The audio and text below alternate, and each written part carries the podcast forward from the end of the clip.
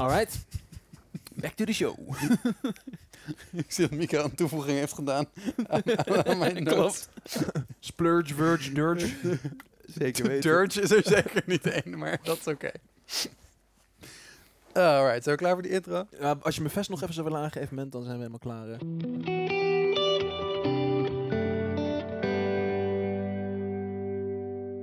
Welkom bij de september aflevering van de Hybrids. Deze podcast die elke keer een andere intro heeft. maar in de losse zin eh, zijn dit de drie broertjes Palokai die het ongeveer één keer per maand hebben over waar we mee bezig zijn geweest. En dat gaat vaak over crypto, business en technologie. Hallo jongens. En biohacking. En biohacking soms een beetje. Hoort erbij. Nou eh, jongens, hoe eh, is het met jullie? Ik wil even één ding zeggen. Ik herinner- herinnerde me mij toen ik hier naar binnen liep. Dat eh, vorige keer toen ik hier was, twee maanden geleden, toen was ik me aan het omkleden hier. Toen bleef ik bij jou slapen met. En toen stond ik voor de spiegel en toen liep jij langs. Toen keek je naar binnen en toen zei je... Wel wel weer een beetje dik geworden, hè? en toen liep je weer door. Serieus? Maar was het echt of was het een mirage? Ja, het was een, iets, een beetje indirect, iets in die richting. Herinner zei dat Van- nu? Ja, of, of een beetje, een beetje vatsig aan het Volgens mij zei je, weer een beetje vatsig aan het worden. Iets in die richting. That doesn't sound like something I would say. Uh, you said it. Want toen dacht ik daarna van... Ja, kut, als Mentor het zegt, dan moet ik wel aan de slag. Dus ik ben de afgelopen twee maanden echt weer hard aan het gymmen geweest. Weer echt veel proteïne eten, gezond eten. Dus eh, Redemption. Nou, dan proud of natuurlijk het bro. probleem dat ik het... eh, I haven't seen your abs. your abs, sorry. Ehm, ja, nou, ik ga nu een maandje naar Amerika. Dus ik denk als ik terugkom na al dat eten daar, waar allemaal nasty shit in zit, dan eh, zou je waarschijnlijk ook even naar mij mogen kijken met eh Schmid. Hoe bedoel je? Transvetten zijn prima, toch? Nee, ja, ik denk dat je door Trans de zeg maar, in, Amerika, ik wil zeggen, in, in Amerika is alles trans is helemaal hot, zeg maar. Maar die nemen daar ook die fats inderdaad in mee. Ja. een beetje onhandig. Mocht je het wel gezegd hebben, heb je trouwens niet van een vreemde hoor. Dit is mij ook. Nou, meer dan tien jaar geleden gebeurd. Toen kwam ik in ons oude huis een keer de trap af. En toen keek ma echt zo goor naar me. Toen dacht ik, wat is er? Miek, je begint wel een beetje vatsig te worden. toen dacht ik, "Zie." dit is het moment. Toen ben ik ook maar weer gaan sporten. ja, sommige mensen die doen dan net even die switch om. Dat je Het is denkt, toch ja, wel even een, een sociale, zeg maar, pressure factor. Het is een goed systeem. Dus, hé, hey, jij die luistert. Je begint een beetje vatsig. Mocht je not- motivatie nodig hebben om te beginnen, Ja. het is een goed moment. Daan, minder bier. Maar goed, jongens, een klein beetje structuur voor die arme mensen die deze episode luisteren. Voor het eerst. Voor het eerst ongeveer. Fran. Ehm, afstuderen, office space, mooie gigs en lek. Lek, yes. Nou, afstuderen ga ik kort houden. Ik ben eh, mijn herkansing aan het doen. Dat, dat een- hebben wij niet zo ervaren. nee, het is echt een hel situatie geweest. Maar ik ga daar pas volgende episode, als het achter de rug is, ga ik er uitgebreid, eh, uitgebreid op in. Ik heb er ook Maar- een half jaar meer over gedaan hoor. Maar ga verder. Het, heeft, het kost me veel tijd en energie. Dat is denk ik het. eh, ik heb ook een scriptje moeten herkansen hoor. Ja, ik eh, gun dat niemand. Ik gun dat helemaal niemand. Maar eh, dat gezegd hebbende. LEC. Ik had dus samen met Ruben, voor de mensen die niet weten wat LEC is. LEC is de Europese kampioenschappen voor League of Legends. Dan spelen alle Europese teams tegen elkaar. Het is niet per land, maar het zijn wel alle teams die uit Europese mensen bestaan. En eh, daarna gaan van elke grote regio, Europa, Korea, China, Amerika, die spelen allemaal tegen elkaar in de, in de Worlds. En ik ging samen met Ruben, uh, shout-out to Ruben, de finals kijken in de Pathé. Dus eh speelde de hele final-series van de Europese kampioenschappen in de Pathé. Was dat live of dan achteraf? Live, live. Ja, ja, dus het, was, nou, het werd niet gespeeld. Het werd gespeeld in eh, Malmo in Zweden. Maar ze Ja, ja, maar het wel een livestream. Ja, ja, ja, livestream in de Pathé. Dus ik dacht, nou, sowieso wel een keertje gaaf om gewoon eh, daarheen te gaan. Maar het is echt, ze had het super tof gedaan. Want ze spelen dan dus een match. Ze spelen best of five. Dus de, degene die als eerst drie matches heeft gewonnen, die wint. Maximaal vijf matches. Eh, maar je hebt elke keer een match en dan heb je pauze. Dus wij gingen de pauze even uit die zaal weg. Ik zei, ah, wat eh, eten halen of zo. En we lopen zo naar buiten. En dan zaten ze dude en zeggen, ja, kom maar jongens, hier, eh, hier is de tournament. Wij zo, de tournament. Hadden ze dus een hele nieuwe gaminghal in de Pathé gebouwd. In Groningen hebben ze nu echt een, een gaminghal. En ze proberen dus ook echt die e-sport daar een beetje aan te wakkeren. En dan kon je dus in de pauze één tegen eentje spelen. Tegen andere mensen die daar ook de competitie kwamen kijken. Ah. En dan was er ook een prijzenpot te winnen. Ze gaven ook allemaal gear weg en zo. Van die Popcorn. toetsenborden. En eh, ja, we kregen popcorn en zo, alles erbij. Ik dacht, hoe dan? Ik heb 15 euro betaald. En die lui hebben denk ik echt 200 euro aan prijzen weggegeven. Maar oké. Eh, maar het was wel echt gaaf. Dus je kon er echt die competitie kijken en dan tegen elkaar spelen. Weer competitie kijken en zo. Dus dacht, ja, dit is wel... eh, de future van eh, ja, Nice. sport slash Ja, ik, ik, heb, ik heb sport kijken nooit leuk gevonden. Oh, überhaupt. Zeg maar, wat dan ook. Zo voelden wij ons dus vroeger altijd als we mee moesten trampoline springen. Fair enough, snap nee, jokes. Ja. Een beetje.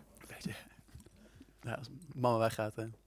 Nou ja, dus eh, dat is gaaf. Volgende keer moet Mika mee. Deze keer wil hij niet naar Groningen komen, maar volgende keer moet hij mee. Dat eh, Volgens mij streams in Amsterdam ook, hoor. eh, klopt. Niet in Pathé.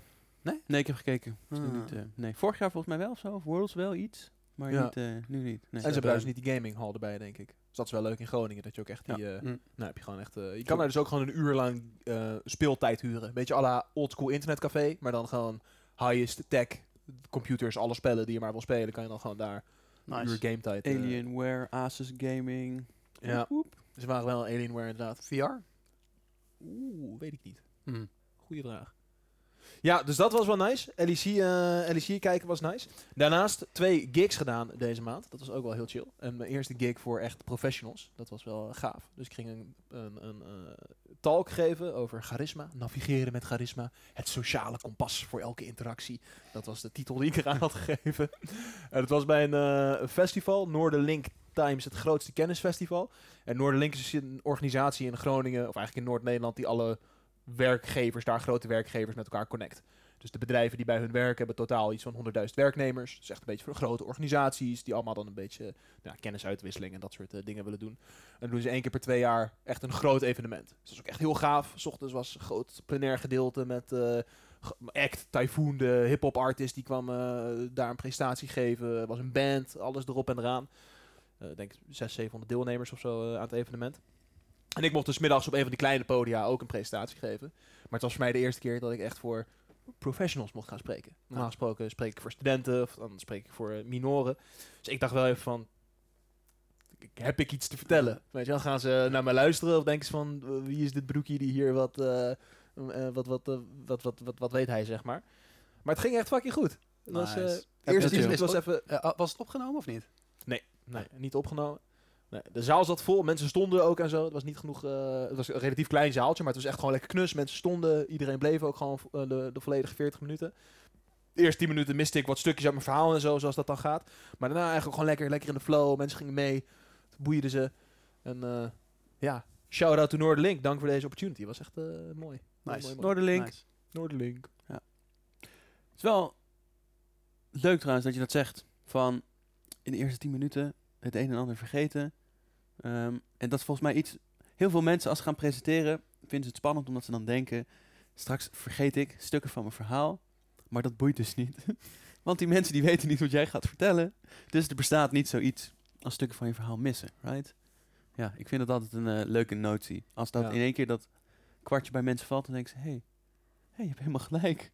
En dan kan je in één niet een keer... logisch stapje mist. Klopt, klopt, klopt, klopt, klopt, klopt, klopt. Ja, als je echt iets... Nee, ja, true. Als je een soort van redenatie ja, hebt ja, of zo ja. en dan opeens sla je een stap over, dan is het wel... eh, Nee, dan Ja, wordt het erg lastig. maar- Dit is natuurlijk, als je gaat presenteren, het is een performance. Zeg maar, het gaat niet per se om de info zeg maar, informatie kan je ook op andere manieren. Zeg, mensen komen niet naar een fysiek event voor informatie vaak, maar omdat er iets van emotionele lading aan zit. Want ja, vaak als iemand, als iemand spreekt, heeft vast ook ergens een, een, een boek of een talk of een whatever die eigenlijk veel beter is van informatie overbrengen. Maar Ja. inderdaad, als je gewoon die mensen zijn daar om een, een, een, een, experience te hebben. Dat is het.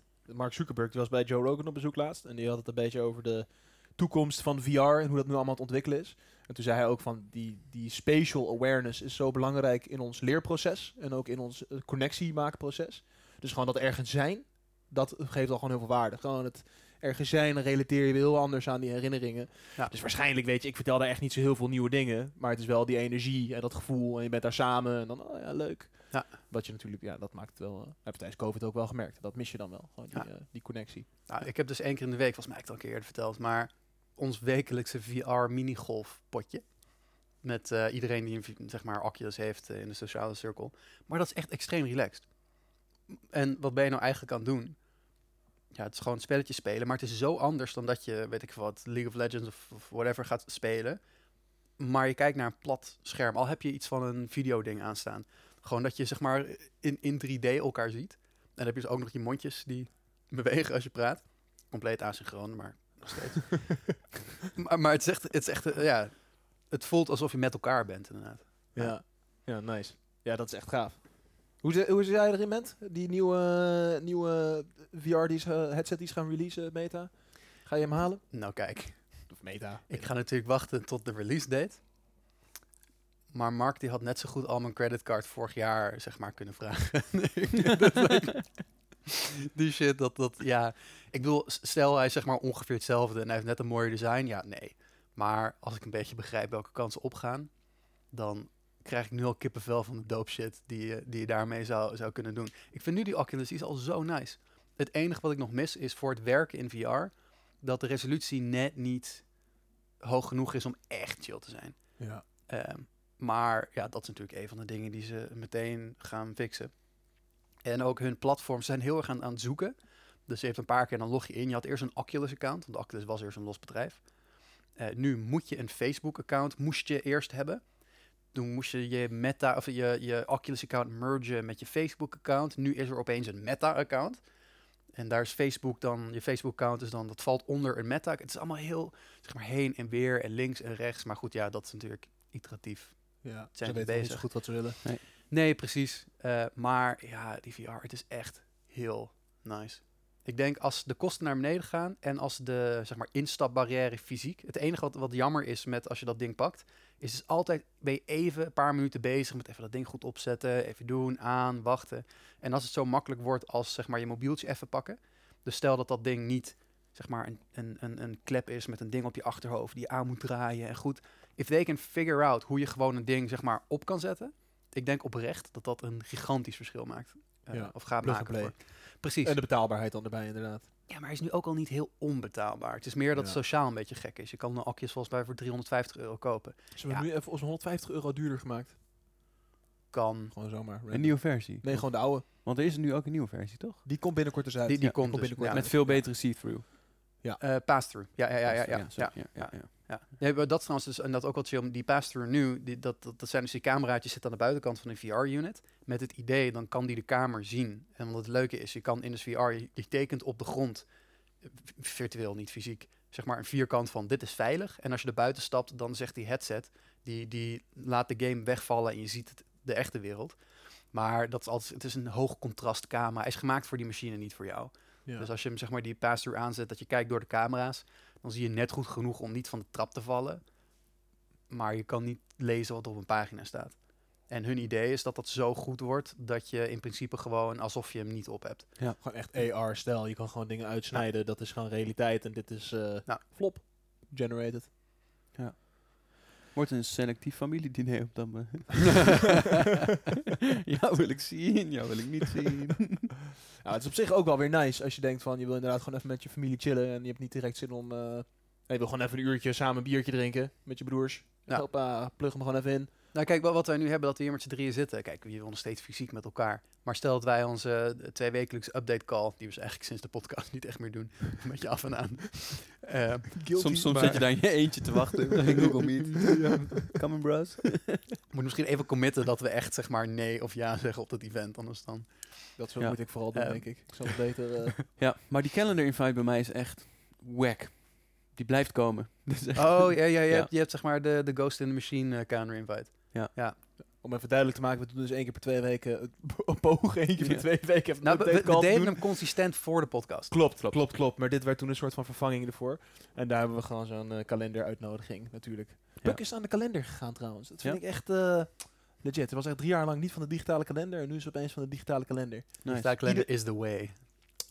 100%. Iedereen die nu luistert die nog geen digitale kalender gebruikt. Wat doe je? Wat doe je? Ja. Hoe is jouw maand, Miek? Je leeft zonder digitale dingen. Dat is wat je dan doet. Dat op je huisje, op je eilandje. Lekker chillen. Lekker man. Genieten van Ja. de natuur. Wat, wat heb ik neergeschreven? Ik was het aan, ik was het aan het opschrijven en we hebben zes, zes weken terug, zoiets was de laatste podcast. Dus Ja. iets langer. En het was veel. Ik dacht echt, oh wow, ik kan het niet allemaal vertellen. Nou, Dus ik heb een selectie moeten maken. ik, eh, ik heb hier staan Getting Back in the Rhythm. Sorry, ik moet het even goed oplezen. Getting back in the rhythm. zo, zo, zo, zo, bedoel ik heb je hem opgeschreven. Getting back in the rhythm. Ehm, Sorry. Workout routines. was voor ja, iemand. sorry jongens, we bedoelen hier echt helemaal niks mee, maar we zijn ook maar... Dit is echt een probleem als jongens onder elkaar gaan zitten. Er gaat een bepaalde filter van af. Eh, What filter? wat- Wat is het probleem, though?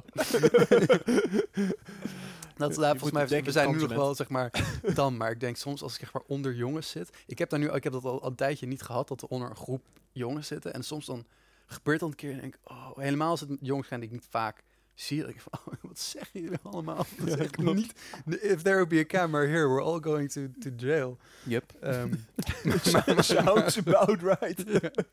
maar goed, je hebt je, je rhythm met je workout en je routines, iets over de merge meetup en eh muckwork. Vertel. En er was dus nog meer, maar ik heb het allemaal, alles merged. merged eigenlijk een beetje. Wat symbolisch. Wat je hebt gedaan en je tech insights en zo, dat is natuurlijk eigenlijk allemaal hetzelfde. Toch? Ik bedoel, ja, als je fulltime in crypto werkt, dan is dat een beetje je ding. En als dan ook nog je hobby is toevallig, Dat dan is blijft lijf. er, behalve sauna, niet zoveel meer over. Goed, gelukkig heb je dan dus nog een sauna. Maar ehm, ja, ik ben weer terug in het werkritme. Nice. Volgens mij had ik de vorige podcast ook gezegd dat ik daar weer zin in had. En dat is ook gelukt. Dus ehm, Wat betekent dat ritme voor jou? vier keer per week, vijf keer per week sporten, s ochtends, voor werk. En dan gewoon naar werk. Ehm, ook, ik ga ook in mijn eentje naar kantoor soms. Ik werd gewoon gillend gek van zelf thuis de hele zitten. tijd zijn. Ja, ja. Ja, het werkte gewoon niet. Het was te veel op dezelfde plek van eh, verschillende dingen met werk en leuke dingen en hobby's. En als alles dan in die vier vierkante meter van je kantoortje afspeelt, waar de sauna ook nog in staat. Dat is, ja, dat is- Ja, voor mij werkt het gewoon niet. Nee. Snap ik. Dus Ja. één dag in de week of twee dagen in de week thuis, dat is prima. Ehm dagdelen thuis ook. Dus s ochtends even thuis werken, dan naar kantoor. Of na kantoor eten, thuis nog wat doen. Dat is prima. Maar de hele dag in het kantoor zitten werkt Ja. voor mij in ieder geval gewoon niet. Ja, gewoon even een paar context switches hebben. Het is gewoon kantoor, is een plek om te werken. En thuis is een... kleine ruimte wat jullie hebben. Die kantoor is helemaal niet heel... Het is ook maar een paar vierkante meter, toch? Ja, zes, vijf, vier misschien zoiets. Ja. Voor- de luisteraars dus hebben we gewoon een, een klein, of een klein, gewoon een kantoorruimtetje.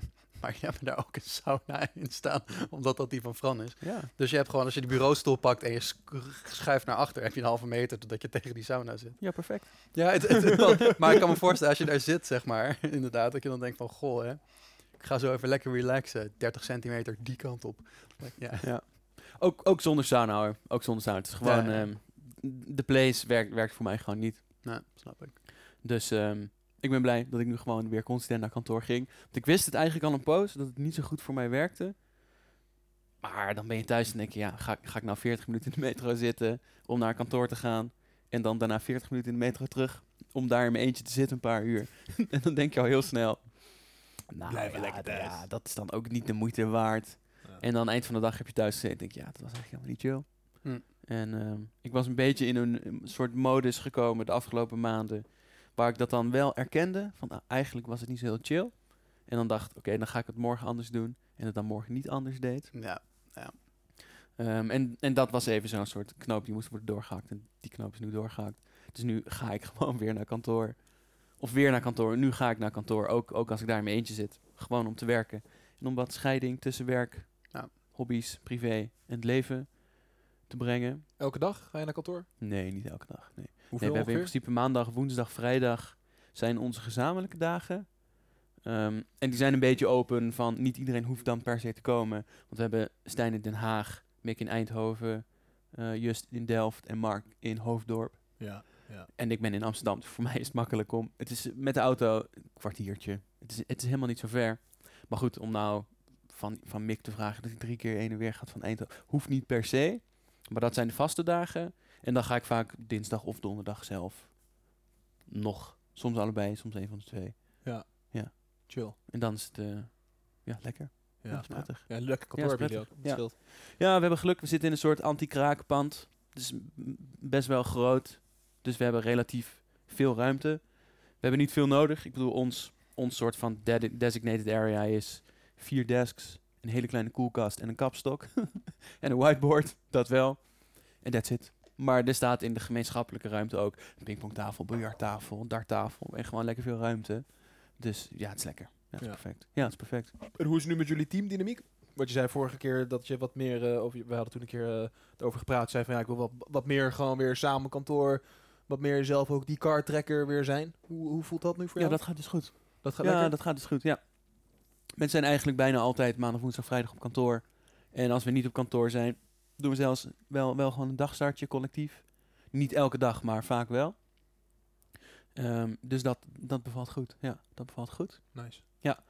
We hebben ook mm, voor Mark wat extra soort van interessant werk gevonden. We waren daar een beetje zoekende. Wat we nou precies moesten doen. We hebben natuurlijk het fonds. En dan hebben we nog een soort van advies, groei, educatietak. maar die is een beetje undefined. Soms doen we daar wel dingen, soms doen we daar niet dingen. Ehm, en Mark helpt nu ook bij het fonds eigenlijk. Met het identify van goede plays. En daar due diligence van doen, et cetera, et cetera. En dat vindt hij echt heel leuk om te doen. Ja, nice. Zit hij pro- programmeurmark of niet programmeurmark? niet programmeurmark. Nee, niet programmeurmark. Nee, die doet in principe niks, programmeurmark. Hm. Tenminste, die doet wel iets, maar niet, niet, bij- niet bij ons. Ja. Hmm. Ja, dus we hebben wat verschillende dingen gekeken met Mark ook. Onze Mark dus, of we ook een, een noodoperatie misschien dan wouden gaan doen.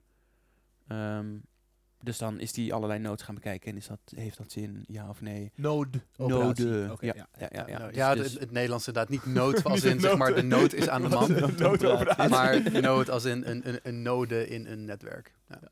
Ja, dus, dus, dus blockchain node eigenlijk. We hadden daar Aptos, dat is een nieuwe blockchain, ik weet niet of jij hem kent. Nee. Van ex-employees van Meta die mee hebben gewerkt met dat hele Libra gebeuren. Die zijn verhuisd, zijn zelf eh, Aptos chain willen ze, zijn ze aan Oh, het wacht, beginnen. die heeft ehm, eh, Stijn die post hier iets over. Ja, Stijn post ja, erover. En je kon, ze hebben nu volgens mij ehm, beta, testnet, ronde 3. Daar kon je voor aanmelden. 500 nodes of zo mochten dan meedoen, werden geselecteerd. Maar je moest daarvoor wel eerst de hele node running hebben. Je moest alles klaar hebben Ah, staan. ja, En dan gingen ja. ze kijken, mag je meedoen of niet? Ehm, niemand mocht meedoen. We hadden vier nodes. Iemand Mhm. anders die we nog kennen, die heeft ook een node geprobeerd. En eigenlijk was nie- niemand geselecteerd. Terwijl we echt best wel hele goede instances runden. Dus ik denk dat er een lichtelijk selectief filter zat op. Ja, maar dit sowieso mag dat doen. soort dingen. Op het moment dat er een selectiecomité voor nodes al is. Ik bedoel, ja, je weet nooit hoe het uiteindelijk draait. Maar dan weet je eigenlijk al hoe laat het is. Zeg maar de Ripple-instelling. Ja. We Precies. decentraliseren die shit, maar eerst moet door een heel centraal poortje heen. Ja, Ja. Eh, dat hoeft niet slecht te zijn. Hè? Ik bedoel, je, je mag. Ik, ik- ik vind ook, het is heel makkelijk om te bashen van ja, nee, je moet gelijk helemaal decentraal. Ben ik het ook niet mee eens. Je mag van mij best wat centraler beginnen in het begin. Want het is gewoon makkelijker. Eh, maar dan moet je dat wel, vind ik, ken, kenbaar maken. Ja, ja zeker. communiceren Ja. wat je doet, inderdaad. Ja. En zo werd het niet helemaal getrans... Pireert. ja. Nee, dus dat is leuk. Ehm, dus we waren gewoon aan het zoeken naar eigenlijk hoe kunnen we Mark gebruiken om waarde toe te voegen bij ons en misschien ook bij, bij andere initiatieven. En dat lukt nu goed. Dus dat, is, eh, ja, dat is fijn. Lekker man. Ja, ja, dat is fijn. Lekker man. Zeker. Merch Ja. meetup. Merch Meetup, ja, ik wou... Het is natuurlijk lullig, want wij hebben altijd dezelfde. maar we hebben andere invalshoeken. Klopt. Dus ja. waar kijk jij naar? Merch en jij merch. Happy merch everyone. Yay. Happy merch, Yay. Voor de mensen die nog nooit een aflevering van ons hebben geluisterd. Dus van, vanuit ons perspectief vorige week. eh, is het vorige week of dat twee weken geleden? Vorige week. Vorige week is Ethereum overgestapt van Proof of Work naar Proof of Stake. En heeft daarmee zijn energieverbruik met 99,98% verlaagd. Throw them talking points, baby. Yeah. In, één, in één klap, wat was het? 0,2% van de wereldconsumptie van elektriciteit.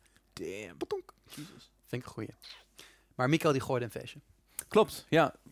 Het is namelijk niet dat de merch zomaar een update was die ze gepland hebben en geshipped hebben. Dat stond al, nou ja, enige tijd op de roadmap, om het maar zo te noemen. Ongeveer sinds 2000... Wanneer is het ook weer begonnen? Sinds de crowd sale? Het, is echt- 2013 was toen, het, het, plan was in het begin 2013 inderdaad. Sinds, nee, toen, toen begon mijn bitcoin... Nee, dat was rond daar. Maar anyway, 2015 dan. ze hebben al de intentie sinds het begin. Klopt. Maar het bleek elke keer moeilijker dan gedacht. Klopt. En ze hebben heel vaak geprobeerd om, om een datum daarvoor vast te prikken. En toen lukte het toch, toch weer niet. Dus op een gegeven moment was het ook een beetje een meme geworden. Soon. Dat is, when merge, soon. Soon. Ja, soon. Soon, en dat is een soort van Soon, soon, TM, zeg maar. Soon, die- Voor de, ja. voor de niet-technical people, hoe ik het omgeschreven had gezien door Soon betekent Vitalik. bijna. Soon Soon, ja. Voor de niet-tech, heel goed. nice. die eh Vitalik die zei volgens mij, it's, it's, la- het is alsof je een, eh, een, een, een rocket die op interstellar travel is, ehm, dat je de main engine wil vervangen, terwijl je al in de ruimte aan het vliegen bent.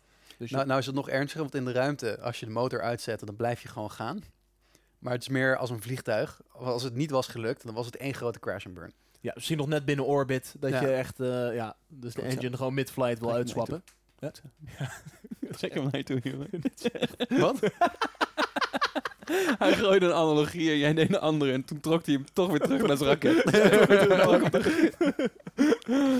Ja, het past, het past. It, it- it's a launching een rocket. technische launching interessante rocket. opmerking Ja. maken. Ja. Zoals Hey, jij je Vitalik quotes gaat mentoren eroverheen. Deze crypto bros. Ja, ik denk, we hadden deze podcast inmiddels bijna al wel de Crypto Bros kunnen noemen. Maar dat bijna wel. Goeie voor Ja. spin-off. Geen goede stereotypes. What's worse, a crypto bro or a gym bro? I'm both man. nee, maar anyway. Het is heel goed. Ehm, niet voor Ethereum, maar voor de Ja. hele industrie. Ja. Ja. Ehm, dat, want proof of work gebruikt gewoon heel veel energie. Dat, dat is gewoon zo. Ja. Eh, hoe je het ook bent of keert. En misschien is een gedeelte groene energie, misschien niet. Maar het gebruikt heel veel energie. Eh, Ja. Elektriciteit, dat is. En proof of stake niet. Dus voor de luisteraars die het nog niet weten, heel snel misschien in de notendop. En correct me als je een In betere een analogie hebt. Maar bij het grootste verschil is dat je bij proof of work eigenlijk met rekenkracht met z'n allen een hele moeilijke puzzel probeert op te lossen. En dus eigenlijk tegen elkaar aan het raden bent, tegen elkaar aan het opboksen bent.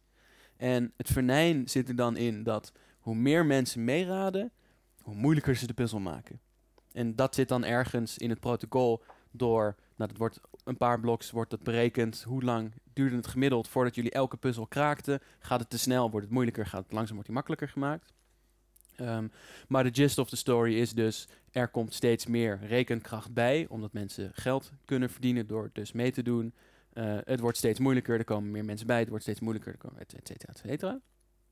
En bij Proof of Stake werkt het zo dat in plaats van iedereen tegen elkaar moet raden met computerkracht, ehm, mag je meedoen met het validatieproces door in dit geval 32 ETH, maar dus je zet 32 ETH vast in een node, ook een computertje. Maar het is een heel klein computertje. Het, hoeft, het is niet alsof je tegen elkaar op aan het boksen bent. Het is een heel klein computertje. Ehm, en als je dan aan alle voorwaarden voldoet, dan word je eigenlijk als een soort ticket in de grote hoge hoed gegooid. En elke epoch of elke blok, weet ik niet eens uit mijn hoofd, Elke maar- blok. elk blok, dan kijkt het netwerk eigenlijk gewoon, grabbelt hij in de grote hoed en worden er 200, nog iets, rond de 200 nodes. Dan moet ik even checken hoeveel precies. Misschien weet Mentor het misschien niet. Niet aan mijn hoofd. Maar er worden iets van 200 nog iets nodes die worden geselecteerd. En die mogen dan daarna ehm, verder met het proces. Dan wordt er eentje gedesignated. Die mag het blok proposen. A.k.a. die mag middels proof of work, dus wat Bitcoin ook doet, de puzzel proberen te raden. Maar hij is alleen. Dus het is heel makkelijk om de puzzel te raden. Hm, ja, niet, En daarna moeten de andere validators moeten zijn proposal confirmen. En dan pas wordt de blok geaccepteerd. met een en kleine komma, hij doet geen proof of work, maar hij maakt een valide blok. En dat is wel werk, maar niet in de zin van proof of work. Dus hij, hij lost niet zozeer een puzzel op.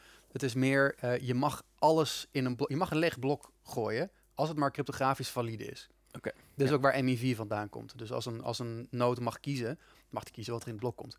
Dus die gaat gewoon natuurlijk de transacties pakken met de grootste tips. Dus in Ja. plaats van dat het is, je moet, het is, in plaats van dat het een competitie is, is het gewoon random. Iemand wordt geselecteerd. Stel het maar voor. En als het klopt, dan mag kijk, de rest. Ish, het is allebei een competitie. Het enige is, kijk, de reden dat we in Bitcoin die, die, dat, die puzzel doen, is ehm, we moeten bewijs hebben dat jij iets te verliezen hebt. Ja. En met proof of work is met elke gok van de puzzel die je doet, krijg je één lot in de hoge hoed. Eh, en dus hoe meer cryptografisch werk jij doet. Want de reden dat we, dat we dus dat proof of work met cryptografisch werk doen, is we weten dat je dat niet.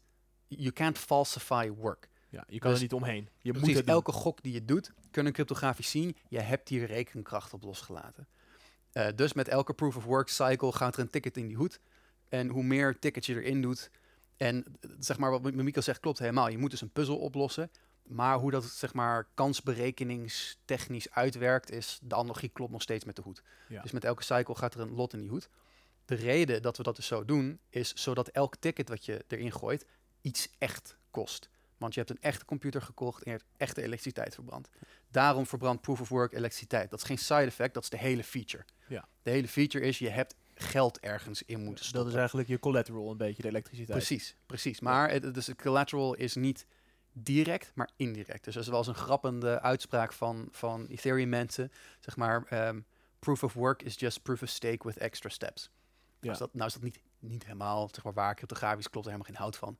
Maar in theorie is het wel zo. Zeg maar, in proof of work heb je iets te verliezen omdat je machines hebt gekocht en elektriciteit erin stopt. En met proof of stake halen we dat gewoon helemaal weg en zeggen we, je mag zoveel lo- loten kopen als je wil. En wat heb je te verliezen? Ja, het feit dat je er geld in hebt gestopt. Ja. Dus conceptueel ligt het wel dicht bij elkaar. Maar En wat zijn dan de main arguments tegen proof of stake? Want ik weet dat er ook best wel veel mensen zijn die zeggen van, eh, vooral de Bitcoin maximalists, die zeggen dit is eh, minder veilig, dit is niet goed. Uiteindelijk gaat dit naar nul leiden, want het systeem is een closed loop of iets dergelijks. We- Ja. Kunnen jullie wat meer beter steelmannen ja. wat hun argument is en dan misschien ontkrachtigen waarom dat... ja, maar ik moet er wel bij zeggen dat er maar weinig Bitcoin mensen zijn die rationeel, logisch, coherente argumenten kunnen maken. Eén daarvan is onze vriend Bas. Die is gewoon lekker ra- rationeel. Dus als je het met iemand over wil hebben, ga lekker met Bas babbelen. Op Twitter is die kans echt heel laag. Eh, want de argumenten die allemaal gemaakt worden, slaan echt helemaal nergens op. Kijk, proof of stake is veiliger dan proof of work. In de zin van de kosten die je moet maken om het netwerk aan te vallen. Die zijn, die zijn hoger in, in Ethereum's proof of stake dan in Bitcoin's proof of work. Dat kun je gewoon uitrekenen. Dat is, dat is niet disputable. Eh, ze zeggen ook van ja, proof of stake is een circulair, eh, circulaire redenering. eh, Een drogreden, want je, je zet iets at stake en dat is dan Ether. ehm, zodat je het netwerk valideert. Maar dat heeft alleen maar waarde omdat je het netwerk valideert. En basically zo- zo'n beetje van, ja, maar waar komt de waarde dan vandaan? En in Bitcoin is er in ieder geval nog physics, zeg maar. Er wordt echte elektriciteit verbrand. Maar dat is even incoherent als zeggen, ja kijk, we hebben banken. Eh, we willen dat die banken zich goed gedragen, want als die banken zich niet goed gedragen, dan stort de euro in elkaar. Eh, of de dollar, of whatever currency. Nou, hoe doen we dat met die banken? Nou, we eh, leggen ze regels op. En als ze zich niet aan de regels houden, dan pakken we hun geld af, hun euro's. Nou, de Bitcoin-redenering is dan, ja, maar dat is wel heel circulair. dus want je wil dat, dat, dat we de waarde van de euro waarborgen en als we het niet doen, dan pakken we hun euro's af. Wat is dat nou voor onzin? Ja, kijk, als je niet verder denkt dan je neus lang is, om maar eventjes metaforen te mixen, dan klinkt dat in eerste instantie heel logisch. Maar het gros van de mensen, ik vind het soms leuk om even op Twitter al mensen heen en weer te gaan en ik probeer het gewoon civiel te doen. En iedereen die schreeuwt, reageer je Het, eh, nee, nee, actually, oh actually mentor. Ik dacht je experimenter. Nee, ik zei at actually mentor. ja, ja, de Twitter, actually mentor. Ik eh, ben... Niet eh, mentor dat Yves? eh, ja, dat is mijn username. Ah. Maar die handle, ja, het is Twitter. Ehm, Twitter. Ehm, nee, maar de, de, de- kijk, begrijp me niet verkeerd. Ik ben niet per se tegen proof of work als algoritme. Het werkt, game theoretically. Het is een heel cool idee. Het is echt toffe cryptografie.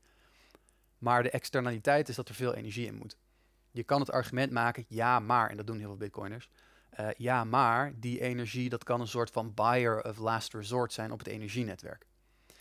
Eh, en daarmee zou je bijvoorbeeld groene energie kunnen incentivizen. Zo in die piekmomenten moet die energie ergens heen. Nou, dan kun je bitcoin miners aanzetten. Dat zou ook een beetje Basse argumentatie zijn, neem ik aan. Eh, dat, is, dat is een van de, van de routes. En ik kan niet namens Bas spreken, maar dat, dat zal, zal een van de dingen zijn. M- maar waar ik een beetje tegenaan loop, is dat is een hypothetisch argument. Ehm, en het gebeurt op hele kleine schaal, op sommige plekken. Maar ik geloof in incentives. En de incentive is, als de elektriciteit goedkoop is, miner lekker laten loeien. En ik geloof echt niet dat al die Roemenen met goedkope elektriciteit denken van, ah weet je, ik wacht al tot de zonnepanelen, extra energie. Ik snap het theoretisch, maar praktisch weet ik niet of dat uitpakt. Maar vanuit die reden zeg ik ook niet van, ah, bitcoin moet geband worden. Nee, ja, ik, ik vind het Ethereum Proof of Stake systeem beter. Maar dat vind ik en dat is een mening. En Het is niet minder veilig. Er zijn niet argumenten, geen legitieme argumenten waarom proof of stake. ik heb ze niet zijn. gehoord. Vanuit de game theory is het in ieder geval niets. Het enige wat je kan zeggen is... ehm, Bitcoin relies on, zeg maar, ehm, hard consensus. Dus er is berekeningen, physics gedaan om die consensus vast te zetten. En Ethereum is weak consensus. In andere woorden, als twee derde het eens is over de staat van de blockchain, eh, dan is dat de staat. En in theorie, als twee derde het nu eens is over de staat van tien jaar geleden, dat is eigenlijk nog een tien jaar, maar bear with me, ehm, dan kan dat. Ja. Want het is niet computationally expensive om die blockchain te re-engineeren. En dat is in Bitcoin wat, wat moeilijker, want dan moet je dus echt, nou goed, in de praktijk, als je het echt zou willen, dan zou je de history terug kunnen zetten, difficulty op nul, je eigen chain maken. En als je iedereen over, overtuigt dat dit de chain is, het Ja. kan nog steeds. Maar dat is het verschil tussen weak en hard. eh, of weak en ik weet niet wat de officiële term is. Je hebt weak subjectivity, want die ken ik vanuit Ethereum. Nou, Bitcoin is de andere daarvan. Ehm, en, maar het, het lastige is, cryptografen gebruiken altijd van die heerlijke technische termen. Zoals private key en public key en weak subjectivity. En als je niet weet waar het over gaat, dan denk je bij private key dat het een sleutel is. En bij weak subjectivity dat het zwak Dat is. Zwak is. Ja, precies. Maar dat, dat, dat, dat betekent dat woord helemaal niet. Ja. Ehm, en en dat, dat, daar loop je met Bitcoin heel veel tegenaan. Ehm nog los van alle, alle mythes van ja, nee, je kan alleen maar node runnen in Ethereum als je 32 ETH hebt. Eh, en Bitcoin kan je eigen node runnen voor 200 euro. Nou, dat kan ook met Ethereum. Je kan alleen niet validaten. Dus gratis meedoen mag altijd. Eh, maar goed, Plus, ik, ga, ik, eh, ga, je- steken ik zal je niet een hele rant houden over ja, alle... nee, thanks voor elucidating. En sorry Miek voor hijacking your Nee, perfect. party. Maar ik dacht even, eh, even kijken of dit allemaal wel... Het Ja. is toch wel een van de grootste updates in cryptoland. Misschien wel het is ooit. de grootste ooit Absoluut. gedaan. Ja, Ja. dus ik dacht eventjes een Ja, beetje absoluut. elucidate voor Ja, de mensen. Absoluut, ja. Klopt. Nee, dat is perfect. Ja. Maar En, de party was leuk. Ja. wat zei je? De party was leuk. De party was leuk. Ja, ja, ja de party was leuk. en nog, nog als laatste haakje eraan. Het mocht dus ook absoluut niet fout gaan.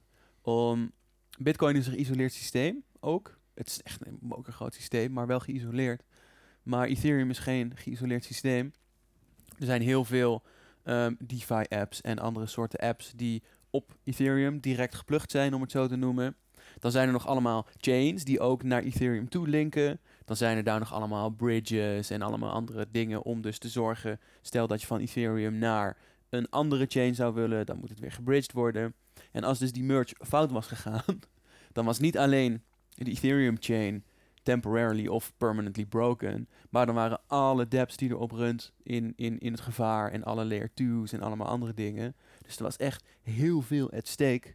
ehm, waardoor het gewoon echt niet fout mocht gaan. Dat is misschien een beetje Vitalik's hadden- analogie inderdaad. Als een mooie, ah, ik heb een mooie analogie verzonnen, jongens, denk ik. Wat vind je van deze? Het is een heel groot kaartenhuis. En we hebben de onderste laag vervangen.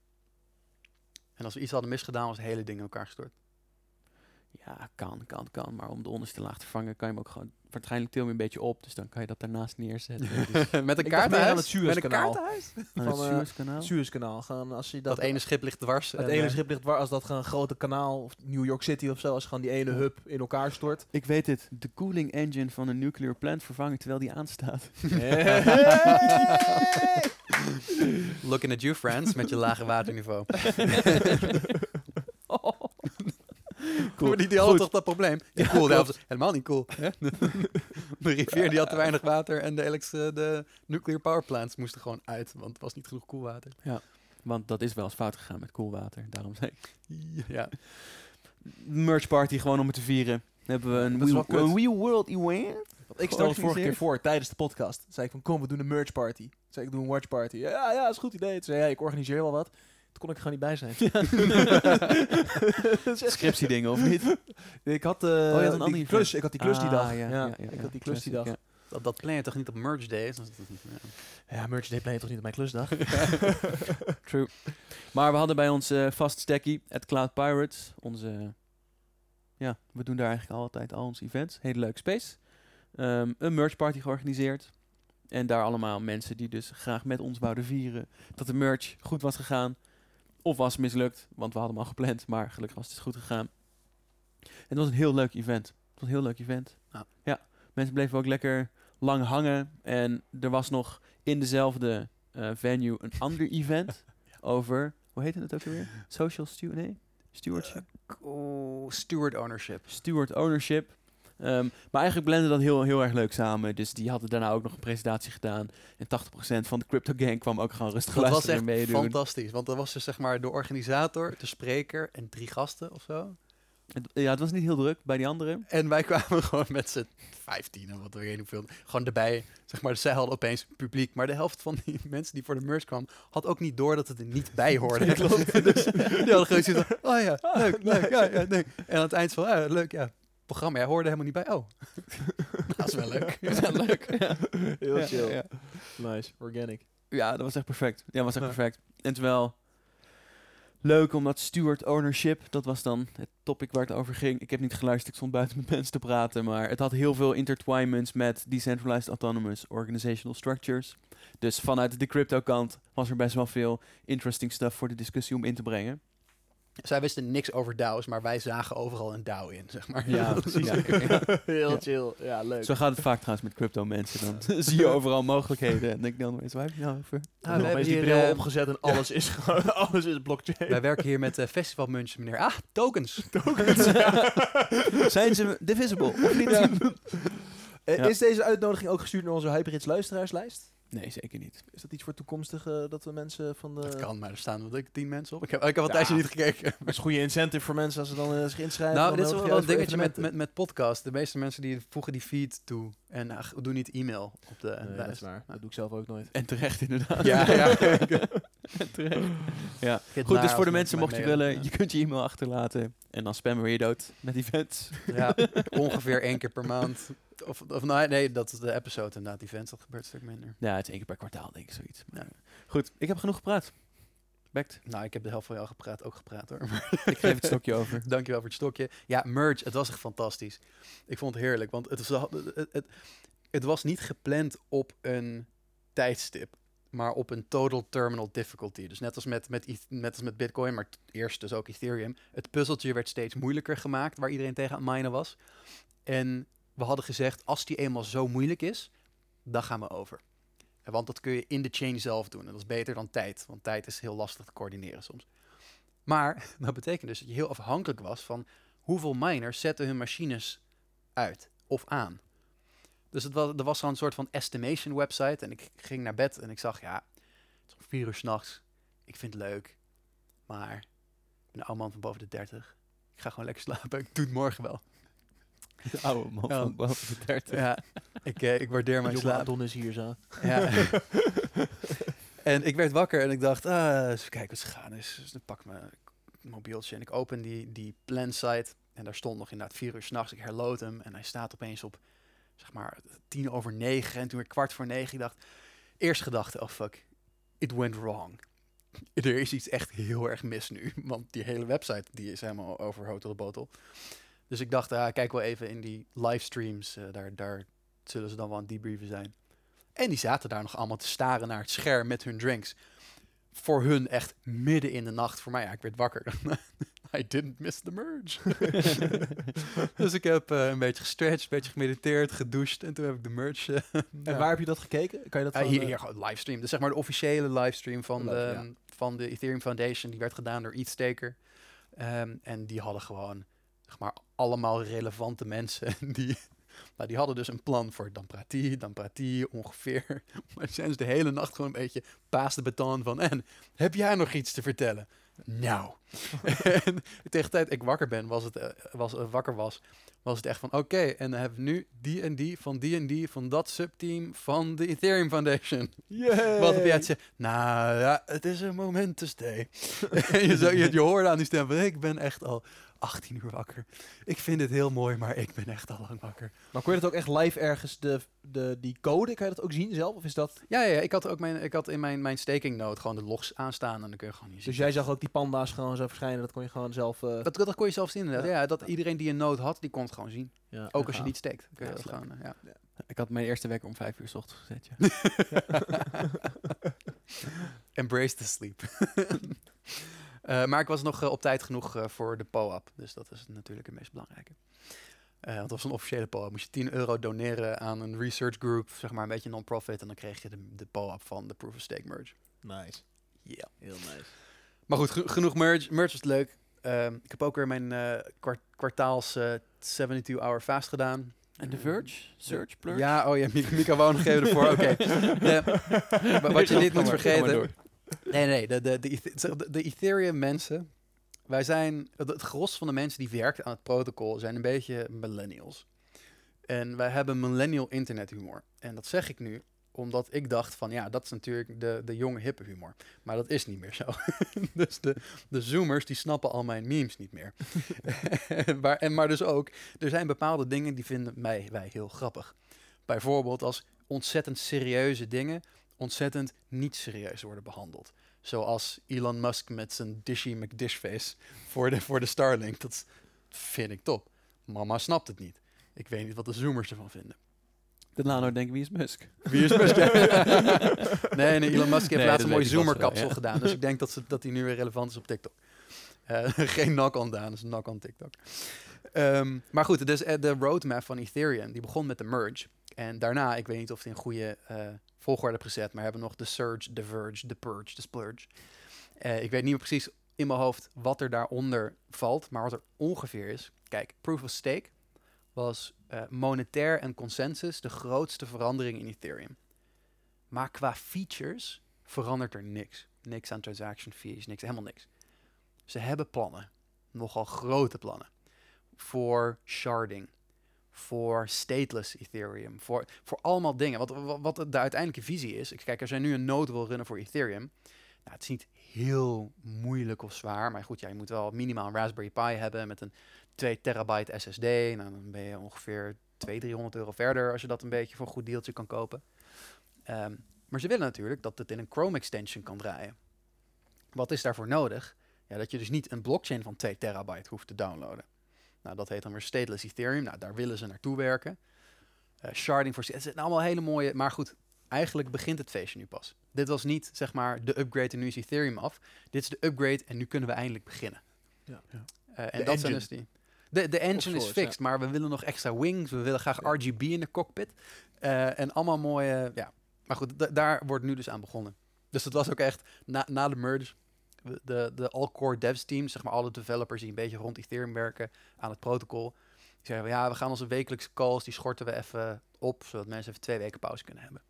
Twee dagen later, al die client teams aan het tweeten, want ja, die gingen niet stoppen, die waren alleen maar enthousiast van, ja, nee, we hebben deze week vrij, maar dus we hebben dit en dit gedaan en dingen. En het is echt is fuck allemaal. goud, dit, Ja. let's go. Ehm, dus dat, dat is allemaal mooi. Nice. Dus goed, dat, zijn- dat zijn de, de, de, rijmende, de rijmende steps. Ehm, ja, dus drie dagen vastgedaan. Het is altijd weer sneller voorbij dan je denkt. Op dag één denk je, oh ja. Dag twee en denk ik, ach, waarom doe ik dit? Zal ik gewoon twee dagen doen? Classic. en dan denk ik van, ah nee, carry hem over. En dan die laatste dag word je wakker en denk je, ja, ik eigenlijk niet zo honger. Eh, maar goed, dus eh, weer drie dagen vast. Elk kwartaal. Die is af. Eh, ik ben ons tripje naar de US, zijn Milen en ik eh, aan het plannen. Dat is eh, nou ja, aan het plannen. We gaan dus woensdag weg. Het is vandaag vrijdag.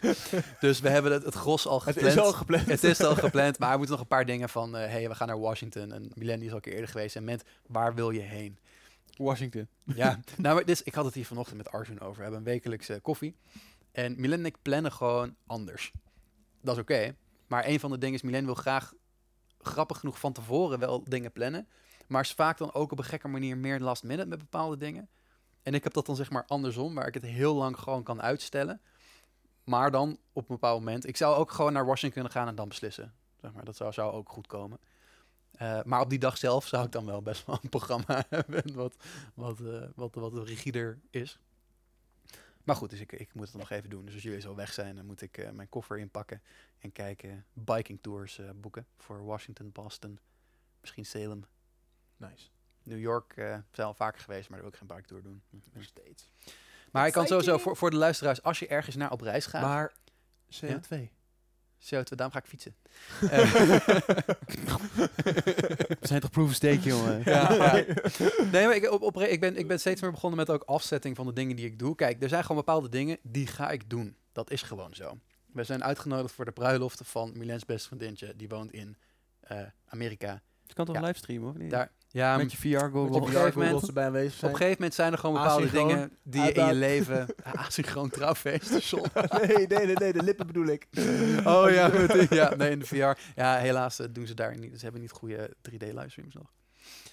Ehm, maar ik, wil, ik ga het toch doen. Like, dat gaat gewoon gebeuren. Dat is, ik, ik wil, ik, ik wil met liefde met de trein waar ik kan en niet vliegen om CO2 te verminderen. Allemaal cool. Maar sommige dingen, die, ja, er is geen trein naar Amerika.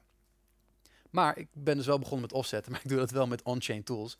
Want al die off-chain, ja, Milen die vindt het echt naar als ik dit soort dingen zeg. Maar ik vind die industrie is zo intransparant. Het is één grote eh, Blackbox.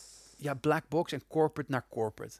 Ja. Dus als jij wil eh, carbon afzetten bij bijvoorbeeld South Pole, en ze zijn echt een cool bedrijf en ze doen het echt, ze zijn een, een van de beste. Ja, dan betaal je op hun website, als je de consumer tool doet, betaal je een bepaalde prijs. Aan Milense van, hoe komt die prijs dan tot stand? Ja, dat is gewoon een hoge prijs. Dus voor consumenten. Onder bedrijven gelden die tarieven niet. Ik Van, ja, Wat fuck. wat, wat, wat heb ik hier nou aan? Mijn the CO2 world. is niet jouw CO2. ja, precies. Ja, maar goed, dat vind ik allemaal naar. Eh, maar er is dus een project die tokenized die, die, die carbon certificates. En dat vind ik echt extreem cool. Milen vindt het extreem naar. We moeten dat gesprek nog een keer goed aan. Eh, maar ik koop dus gewoon carbon tokens en ik burn ze on-chain. Eh, en dan weet ik gewoon, dit is de marktprijs van die tokens. Ik burn het. Ik heb een, je krijgt een NFT zonder plaatje. Dus het is een administratieve NFT van, hey, je hebt dit geburnt. Van deze certificates en whatever. Dope shit. Ben er meer mee begonnen. Want Nice. het is niet zo duur. En hier, hier ging ik dus helemaal stuk op. Ik had al, weet ik vijf, zes jaar geleden dacht ik, ik vlieg heel veel naar Milan, naar Londen. Ik zou het eigenlijk wel willen compenseren, maar ik vertrouw die, K, die KLM shit vertrouw ik gewoon niet. Ja, dat is de knopdruk van de compenseer mijn ding dat dat gewoon... eh, Ja, ik, ik- ja ik, ik weet nu vanuit Milan dat er soms best wel goede dingen achter zitten, maar ik, ik, ik zag dat toen en er stond helemaal geen informatiebox van wat gebeurt hier nou mee. En dan ga je dat lezen en dan ging het over, opeens over sociale projecten en scholen bouwen. En ik denk, wat heeft dit met CO2 te maken? Maar anyway, toen ging ik dat proberen uit te zoeken hoe je dat afzet doet. Eén grote chaos. En op een gegeven moment heb ik het gewoon opgegeven, eh, omdat het allemaal onduidelijk was. Maar nu heb je gewoon een on-chain price elke dag. Gewoon, er is een markt. En ik kan gewoon zien hoe duur dat is. En dat is nu ongeveer eh 1 à 2 euro per ton CO2. Dat valt heel erg mee. En hoeveel vlieg je? Wat is eh, een vlucht per persoon? Ja, dat hangt van de vlucht af. 1 of 2 euro per ton? Ja. Dat zou 65 CO2. moeten zijn. Nee, Voor de ECTS-prijs. dat is ICTS. En Ja. maar dat is dus ook een van de dingen waar ze niet goed over na hebben gedacht. Je hebt ICTS, dat zijn dus de verhandelrechten. Dus de Europese Unie zegt, ehm hey eh, sector, jij mag zoveel CO2 en dat betekent dat jij zoveel CO2 en mag jij zoveel CO2. Als jij eh Tata Steel, dat gaan ze niet doen, maar goed, je CO2 vermindert, dan mag je die rechten die je hebt doorverkopen. Dus je hebt een financieel incentive om je CO2 te verminderen, want dan kun je die rechten die je had doorverkopen aan de Italianen. No shit naar de Italianen, maar dat, dat, dat, dat zij, ja, Voor 65 euro per ton dan. dat is dus nu de marktprijs voor een ICTS. Hoor ik van, ik weet niet, dat klinkt. Toen ik er naar keek, tijdens Ja. mijn scriptie was 65. Misschien iets Zoiets. meer, misschien iets dat zijn dus de ICTS. Maar geen 1 of 2. Dat heet een cap and trade system. Dus je krijgt allemaal een cap en je kan daaronder met elkaar verhandelen eh, wat je hebt. Die prijs waar ik het over heb, dat is voor voluntary carbon credits. Denk bomen planten. Ja. Want als een bedrijf over hun cap zou heen gaan, dan zou ze een dikke boete moeten betalen of zo. Ja, dan moeten ze bijkopen van andere bedrijven of een eh, boete riskeren. Ja. Ja, en ze kunnen niet vanuit de vrijmarkt bijkopen. Nee, met de huidige regels niet. Daar zitten wel gesprekken over. Eh, maar in principe is dat nu niet het geval. Maar als consument, ja, ik, ik vind het ook een beetje een Waarom systeem. mag dat niet? Dat zou dan toch gewoon, dat zou je dan toch aan elkaar moeten pluggen gewoon. Ja, maar het, het, is, het is lastig. Want met die carbon... eh, John Oliver had weer zo'n mooi carbon certificates. had hij zo'n filmpje over. Dus trouwens grotendeels weer zo'n gevalletje van... John Oliver, je bent echt heel grappig, maar je klopt echt ongeveer 60% van. Ehm, Is dat een beetje een soort Lubach? Dat is ja, dat, dat is de Amerikaanse Lubach. Ja, maar dat is het grapje toch, jongen? Oh, dat wist ja, je weet, John Oliver is de, Die de ging even over mijn hoofd Amerikaanse. Lubach, ja. Ehm, nee, maar die had het dus over, over dat er heel veel fraude is met carbon certificates. En Milen die hamert daar altijd op van ja, dat is zo. En daarom moet je verified standards gebruiken die heel rigide standaarden hebben van het mag alleen een certificaat heten als dit, dat, zus, zo. Waaronder, als jij een boom plant, dan moet je precies weten waar is die boom, hoeveel zon krijgt die boom. Eh, is er iemand die elk jaar komt checken of die boom er nog staat? Eh, en ga je dat doen voor de komende 100 jaar? Want die boom, presumably zeg maar, het, het meeste CO2 gaat niet zitten in de eerste vijf jaar van die boom. Ja. Dat, is een klein boompje, wordt een net iets minder klein boompje. Er zit niet heel veel CO2 in dat ding. En- S-curve. ja, inderdaad, het is een S-curve. Eerst heel weinig, dan opeens heel veel en dan staat hij en dan is hij grotendeels eh, wat, wat, wat stabieler. Ja. Ehm, maar die standaarden zijn er. En dat is dus het bedrijf van Milan, South Pole, die doen alleen dat soort standaarden. Je hebt dan de Gold Standard, je hebt Vera. En, dus ik vind nog steeds echt unwieldy organisaties die ook weer black boxes zijn. But they're the best we have now. En dat zijn dus die 1 à 2 euro per ton certificaten die je kan kopen. Wat wel raar is, want de milieu-impact schade is 150 euro plus per ton CO2. Nou, dat is toch de goedkoopste goed, het goedkoopste goed wat je dan nu kan kopen? Voor elke euro die je koopt, verminder je 150 euro eh, schade, als ik hem goed hoor. 1 op 75 dan als je 2 euro betaalt. Ja, precies. Maar ik, ik, heb, dus, ik heb dus nu ook meer als ik eh, travel en doe, hoppa, eh, doe maar offsetten, want zo duur is het niet. Maar ja, dit is natuurlijk heel erg technologische crypto-man. ik wil graag een on-chain record van wat er precies gebeurt en waar. In plaats van een pdf van een of andere website van offsetyourselfcarbonneutral.com slash offset. Ja, dat, dat, whatever. offset plus punt blackbox. Ja, punt blackbox. Ja. Ja. Het is wel leuk dat je net zei van die bomen. Ik weet niet of het al bestaat, maar eh, bij ons in het eh anti-kraakpand zit nog een bedrijf. Die doen ook duurzaamheid. Eh, CO2-berekening, stikstofberekening, LCA, zulke soort zaken. En ik zat vorige week met hem te sparren om te kijken, kan je inderdaad on-chain ehm, iets bedenken dat je een reforestation project per... Twee ideeën waren er. Eén, die heb ik toen bedacht, een post terug, helemaal consumer-facing. Als je nou als een boom klein is, gewoon een of andere NFC-chip erin propt. NF3. NFC, sir, yes. en dan groeit de boom. En het is natuurlijk leuk om mensen met kerst een boom te geven of zulke soort dingen. Ehm, en eigenlijk slaat het nergens op, maar mensen vinden het dan leuk als ze het echt kunnen zien. Ja. En dat je dan naar de boom toe kan gaan en gewoon met je telefoon kan scannen. En dat hij dan laat zien, boem, dit is Ja. inderdaad jouw boom. Ja. Dat is wel humor, lijkt je wel mij. een hele grote NFC-antenne erin bouwen. NFC is inderdaad niet, niet de right technology, maar ehm, tenminste, dan kan je het niet met je telefoon uitlezen. Dus daar moet je iets op verzinnen. Ehm, misschien niet NFC, maar wat, wat anders. is, eh, ja. En de tweede was, als je nou, want het, wordt- het wordt eigenlijk altijd per hectare gerekend, niet, niet, niet, niet per boom natuurlijk. Als je reforestation gaat doen, dat, dat kan niet, kan niet. Miljoenen bomen, dat, dat, Nou, dat kan niet. Unfeasible. Ja. Ja, dus het gaat per hectare. Maar als je dat nou eh, een NFT mint op een soort project per hectare. En dat je dan, je kan met, met geo, geo stuff en zo, kan je, of je kan een mannetje naartoe sturen wat je wil. Dat je inderdaad een berekening doet en bijhoudt met, met hoe hard groeit. Dus hoeveel CO2 wordt er daadwerkelijk opgeslagen in het hout. En dat je dan ehm, die NFT, weet ik niet technisch, either stakeable of, of, of, of aanpasbaar maakt. Maar dat hij dus door zijn levensduur CO2-tokens uitgeeft. On, on, on the go. Ah, dus ja. dat je real-time CO2 offset krijgt voor je NFT. Interesting. Dus je hebt zeg maar, een, de boom geeft ERC20 CO2 tokens Yes, sir. Ah, yes, leuk. sir. Yes, Leuk. sir. Leuk. En dan heb je echt een eerlijk door tijd systeem van ehm, de tokens. Want nu, ik, kijk, ik weet niet precies hoe het wordt uitgegeven. Volgens mij is het wel iets, iets door de tijd heen. Maar het is, nou ja, opaque at best, inderdaad. Ja.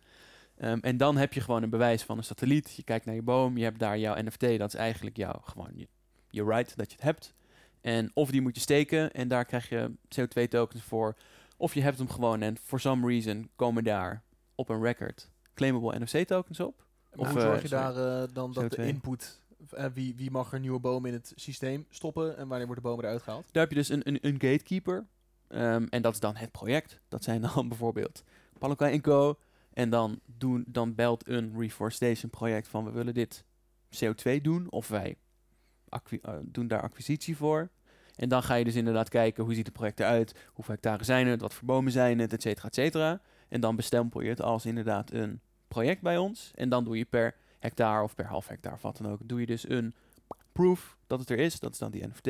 En die moet dan inderdaad real world gemonitord worden door satellieten of door mensen die er zijn. Of nou, dan moet je kijken hoe je dat wil gaan doen. Ja, hier, moet je, hier zou je dus zo'n standaard voor gebruiken. En dan moet je dus maar je eigen het klinkt in principe gewoon als een gamification layer. van wat er al over is. ja, maar Ja. dat is in principe wel... Want je, maar je kan in, in plaats van een fysieke boom, gewoon een virtuele boom, de VNF3, Ehm, eh, en, en dat je gewoon zegt van, hé, hey, wij, wij gaan met zo'n project aan, dat is zoveel hectare, dat is zeg maar gemiddelde bomen. Niet de echte bomen, maar gewoon zeg maar, komt ongeveer zoveel CO2 uit, ongeveer zoveel bomen. En dan gewoon inderdaad, als die CO2-certificaten vrijkomen, kan je die dan gewoon Ja. uitgeven aan die NFT-holders. Ja, precies. Ja, Leuk. Ja. Ja. En dan wil je het liefste nog een soort systeem bouwen waar je ook kopers hebt. Bedrijven die die CO2-tokens kopen. En, en dat is dus waar de soort van black box wordt weggeknikkerd. Die moeten die CO2-tokens burnen. En pas Ja. dan krijgen ze het bewijs. Want Ja. nu koopt iemand gewoon certificaten aan de voorkant, zijn ze offset. Aan de achterkant verkopen ze die weer. En dan zegt iemand ook, oh, we hebben ze ook gekocht. Dan wordt het weer verkocht. Ja, En dan- zo. Ja, maar ja. dit is dus precies... Milen die huivert bij onze hele discussie hier. Maar dit is precies waar, waar Milen zich altijd zorgen over maakt. Eh, maar dat is dus nu ook heel erg... Die certificaten, die moet je... Ook in het oude systeem burn je die. Alleen noemen ze het retiren. Ja. En je hebt zeg maar... In, dit is echt... Je hoort dit is het meest professorische... Wil shit zeggen, maar Milen die zei laatst... Jullie hebben tijdens de podcast... Jullie schelden echt zoveel. En elke keer dat ik nu zit, dan denk ik van... Oh ja, Oh, ja. alles is wel... eh, Kut, sorry. Eh, ik, eh, ja, ja, ah, ja, Kwalitatief uitermate teleurstellend. Mind your fucking language. Ja. Ehm, nee, maar die, ehm, eh, dat systeem is een database die wordt bijgehouden door het bedrijf Vera. Als jij een account wil in die database, die heb ik een keer aangemaakt, is 500 euro alstublieft. Ehm, en Daar kan je dus een nood van runnen. En Allemaal dan heb je nog geld over ook. ja, en dan kan je dan precies dat. Weet je hoeveel bomen ik daarvan kan planten? Ehm, nee, maar eh, eh, en ik, ik dacht, heel naïef, Milen keek me achteraf zo ook aan van, had je niet even kunnen vragen? Maar ik dacht, en Milen is te druk, dus ik ga die hier niet mee lastigvallen. Ik dacht, daar kan ik dan toch carbon certificates kopen? Nee, zo werkt dat niet, meneer. Ik heb nu een account. En als ik nu dus naar iemand ga die die carbon certificates heeft, en ik zeg, ik wil er graag 100.000, dan betaal ik hem gewoon met Tikkie. En dan gaat hij naar zijn account en dan zegt hij: transfer mijn certificates naar deze mentor account. Dan zie ik hem in die account en dan kan ik klikken op retire en dan heb ik ze geclaimd. Dit is Ik was niet unretire. Once nee, retired nee, nee, nee. is Once retired ja. is retired. Maar het is het meest corporate systeem ooit. Alleen al, ik, het doet pijn aan mijn hart dat je moet betalen om een account te maken, zodat je die data mag inzien. En dat, je niet dingen mag eh, prijs. retiren. 500 euro voor een account. Ja, dat is corporate tarieven. Dus, Ja. Dat is 2 cent voor een corporate. Ja, en ik, dat ah ja, sure, ja, Maar als je whatever. het inderdaad als particulier of als Maar het is eh, niet bedoeld als particulier nee. systeem. Maar, maar En dat, is meteen waar het dat- fout gaat. Ja. Precies. Ja. Nou, niet zozeer waar het fout... Het is gewoon een systeem wat gemaakt is voor een bepaalde wereld. En er is gewoon geen goede, in mijn mening, vertaalslag voor consumenten. Nee. Nou heb je dus dat al die on-chain dingen, die vind ik een goede oplossing als je weet hoe tokens werken. Maar ik snap heel goed dat ehm, de meeste mensen die, die, die ja, klimaatdauw, wat is dat, zeg maar. Ja. Ehm, Een dikke, dikke ponzi, amigo. Een dikke, dikke ponzi, ja. dat is wat klimaatdauw is. dat is Alright, zullen we waar. naar de next, eh, Sorry. next topic? Ja, ja, we gaan weer heerlijk, heerlijk weer veel te lang. Ja, allemaal. zitten we weer echt een uur lang in de... Ik niet vind het, eh, fijn, eh, Godverdomme, veel Oh, te lang, laatste, ja. La- laatste crypto dingetje. Ik heb een podcast eh, gestart omdat ik vakantie. En, Geen eh, shameless plugs in onze podcast, Oh. alsjeblieft. Ik eh, plug heel shame. Actually shameful. I feel so much shame. Mentor.substack.com. Basisdingen van crypto. Ehm, ik liep er gewoon een beetje tegenaan. Zo van, wat is een blockchain? Wat is consensus? Wat doet een token? Dat soort dingen. Mensen vroegen mij, wat heb je voor startpodcast? Ik, ik heb geen startpodcast.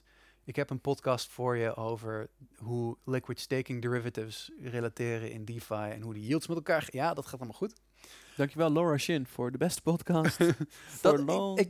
Bankless is ook wel een van mijn favorieten nu hoor. True, ja. Ja, ja. Maar ze is OG. Zij is OG. Zij is zeker OG. OG. Al, eh deze in Nederlands is oké. Ik zat te praten met een, een, een zekere cryptoman die jullie eh, kennen. Plan B? niet fysiek kennen. Nee, nou, nou is wel een Nederlander. Nee, eh, nee hij eh, begint met een P en het eindigt op Atricio. Ehm, en ik had het over eh, die Cryptopians. Ah, ik vond het echt een mooi boek. En in zijn woorden, ja... Lars Sin is geen aardig persoon. en ze, ja, haar collega, dingen, dingen die ik niet, niet ken, maar apparently is dat... ja, die is heel, heel, heel aardig. Maar zij is echt niet aardig. Nee. Dacht ik, oh wauw, dit is wel Ze even... is op de podcast altijd vet aardig. Ja, precies. Maar ze, is- ze, het, is, het is een goede podcast. I'm sure she's nice. maar ze is natuurlijk... Ja, Unchained, ja. maar ze is ook wel natuurlijk zo'n ex-Forbes... Forbes toch? Ex-Forbes, journaliste. Ja, ik snap, die, die is alvast ook wel... Sowieso. Zeg maar, eh, nasty, eh, wel, ja. eh, Maar goed, ja, zo, zo is die wereld. Ja, ik praat het niet goed, maar... Goed Maar ik moest wel lachen. Ja, goed gepraat daar. Maar goed, dus als je basis crypto dingen wil, is in het Engels wel. Maar ik werk nog steeds aan nieuwe episodes. Ehm Mentor.substack.com. mentor.substack.com. Ik had zowaar mijn, mijn, mijn naam kon ik als username. Ik vind dat heel fijn. Dat is echt pleasing. Nice. Eh, maar goed, dus dat. Eh, dan stappen we over naar de what van de maand. What? En er is er maar één. Zo zou- horen ze ook eigenlijk te zijn. Hè? Ik heb daar ooit, toen wij de allereerste episode gingen maken, bijgezet. Eén van ons die iets Watts heeft meegemaakt. Maar we zetten altijd allemaal dingen erbij. En dan zijn we echt een half uur bezig met de. Met de what van de maand. True. Dus is eigenlijk wel heel, heel Mikkel, Ik weet, ik weet precies wat er staat. deze wel hè? Ja, ik weet ja. precies wat er staat, ja. Het is niet, het is niet echt dat je zo, wow, maar toch ook weer wel. we waren ehm, naar een festival gegaan, Elro. Was echt, echt heel leuk. En ik was Bob, dus ik had vier mensen in de auto. Ik chauffeurde s'avonds weer terug. En toen liepen we van het festival terug naar de parkeerplaats van de auto.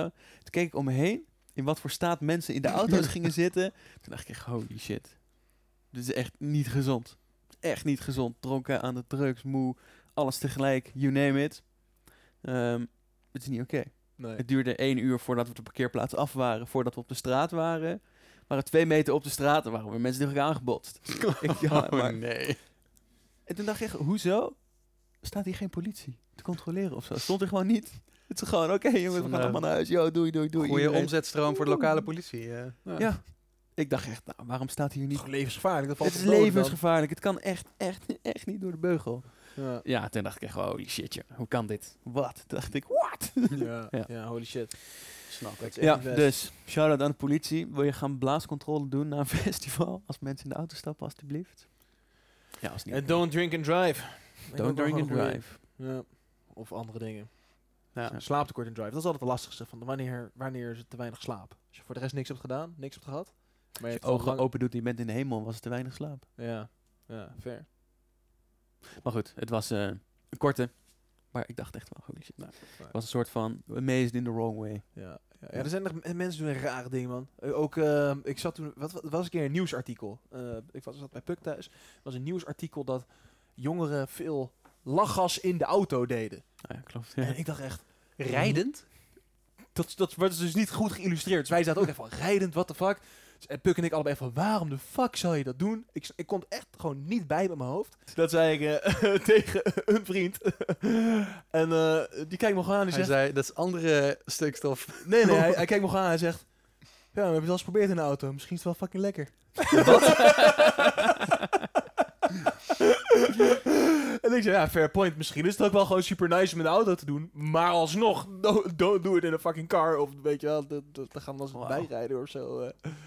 Ik, ik dacht, hier komt een, een guy die gewoon diep in de auto zit. En die zei van, nee, om het lachgas bedoelen ze die shit die de motor ingaat, weet je. Nee, nee, echt gewoon patroontjes in de auto. En dat er dan ook mensen weer in het water waren gereden en gebotst en shit. Nou was het ook verbannen om lachgas in heel veel steden. Dat mag je niet meer doen. En één stad in het specifiek had dus heel veel mensen die het achter het stuur gewoon deden. Ging ze gewoon rijden en dan nam je een ballonnetje. Ik snap het niet, want dus iedereen die ooit lachgas heeft gedaan weet, lachgas is letterlijk een verdovingsmiddel. Als je die ballon neemt, ben je letterlijk per out aan het gaan. Dat, hoe- dit matcht gewoon niet in mijn hoofd. Ja, mensen. Mensen. Mensen. Goed, volgende rubriek. Volgende rubriek. We hebben onze enthusiast business, crypto komen we nooit aan toe, eh, en tech eh, insights. Fran, ik zie voor jou eh, EduTech kaartjes en een bunch of cool tools. Yes. First of all, ik heb eh EduTech kaartjes over. Ik heb jullie allebei uitgenodigd. Maar jullie Wat. EduTech? Ja, ik was eh, uitgenodigd voor een congres, tweedaags congres. Gaat over de digital transformation in education. Het is in de RAI, echt zo'n big yes congres. Nou, een paar, wat is een paar honderd sprekers. Allemaal eh, mensen die zich bezighouden met nieuwe technologische oplossingen binnen het onderwijs, onderwijsvernieuwing en dergelijke. Als ik in Nederland was, had ik heel graag mee. ge- ja. Ja, het zag er gaaf uit. Eh, wel gewoon groot corporate, weet je, gewoon zo'n congres dan eh, georganiseerd wordt. Maar ik ga er sowieso heen. Ehm, ik heb nog een kaartje over. Dus als er iemand van deze luisteraars, van onze lieve luisteraars, zin heeft met mij en twee vrienden van mij, die gaan ook allebei een dag. Moet je wel snel gaan. je editing doen, hè? Ja, ja, ja ik zal het, ja, ik zal snel, snel editen en publishen deze keer. Ik doe het in de trein terug zo. dus dat eh, gewoon iemand eh, als mee dan heet het op de achtergrond ook zo'n trein, treingeluid. Zo. Fran uit de montagekamer, kamer. Eén bericht uit de montagekamer. De podcast naar Groningen is met 20 minuten vertraagd. Wegens werkzaamheden aan audition. Nee, en ehm, Ik was laatst op, in de trein terug, eh, terug naar huis. En ik kwam opeens op een soort van mini Twitter rabbit hole. Ik zit eigenlijk over het algemeen niet vaak op Twitter. Maar ik had een... eh, ik weet niet meer precies hoe ik erin terecht kwam. Ik had een tool ergens gevonden. Dat was het. Ja, ja. Ik had een, ik had een tool gevonden. Heb ik ook naar jullie allebei doorgestuurd. Om eh, audiofragmenten mee op te slaan uit podcasts. Want ik luister heel vaak naar podcasts. En ik wilde al heel lang een manier hebben om stukjes uit de podcast gewoon makkelijk te kunnen capturen. En dat in mijn second brain te storen. En dat heb ik dus allemaal in, in Notion staan. En er was een podcast app die heette Air. Maar dat was alleen maar voor Apple of voor iOS. En dat was nog niet helemaal it en zo. Dus ik ging gewoon even googlen. Eén keer per zoveel maanden google ik dat dan gewoon van... Hey, is dat inmiddels al een keertje door iemand gebouwd? En het was door een team gebouwd. Snippet heet het. Snippet met een D. Die shit is echt super nice. Je kan gewoon al je podcasts luisteren, net zoals een normale podcast app. De meeste podcasts die veel zijn beluisterd, hebben allemaal al een transcript erin zitten. Maar als je nog niet, als er nog geen transcript is, dan zeg je request AI feature. En dan gaat hij gewoon een transcriptie voor jou maken van die podcast. Voor de rest, als je luistert, kan je gewoon met één swipe van je headphone een chunk eruit snippen. Daarom heet het ook snippet. Je kan kiezen hoe lang die moet zijn. 60 seconden, 80 seconden, met hoeveel marge. En die tool, die pakt die snippet voor jou eruit. De AI leest de tekst, geeft automatisch een passende titel aan. Je kan er zelf ook nog notities aan toevoegen. Je kan de tijdhandles en zo wat, eh, wat aanpassen. En dan heb je dus gewoon een audio tidbit met en het audiofragmentje en de transcriptie van dat fragmentje wat je hebt geluisterd.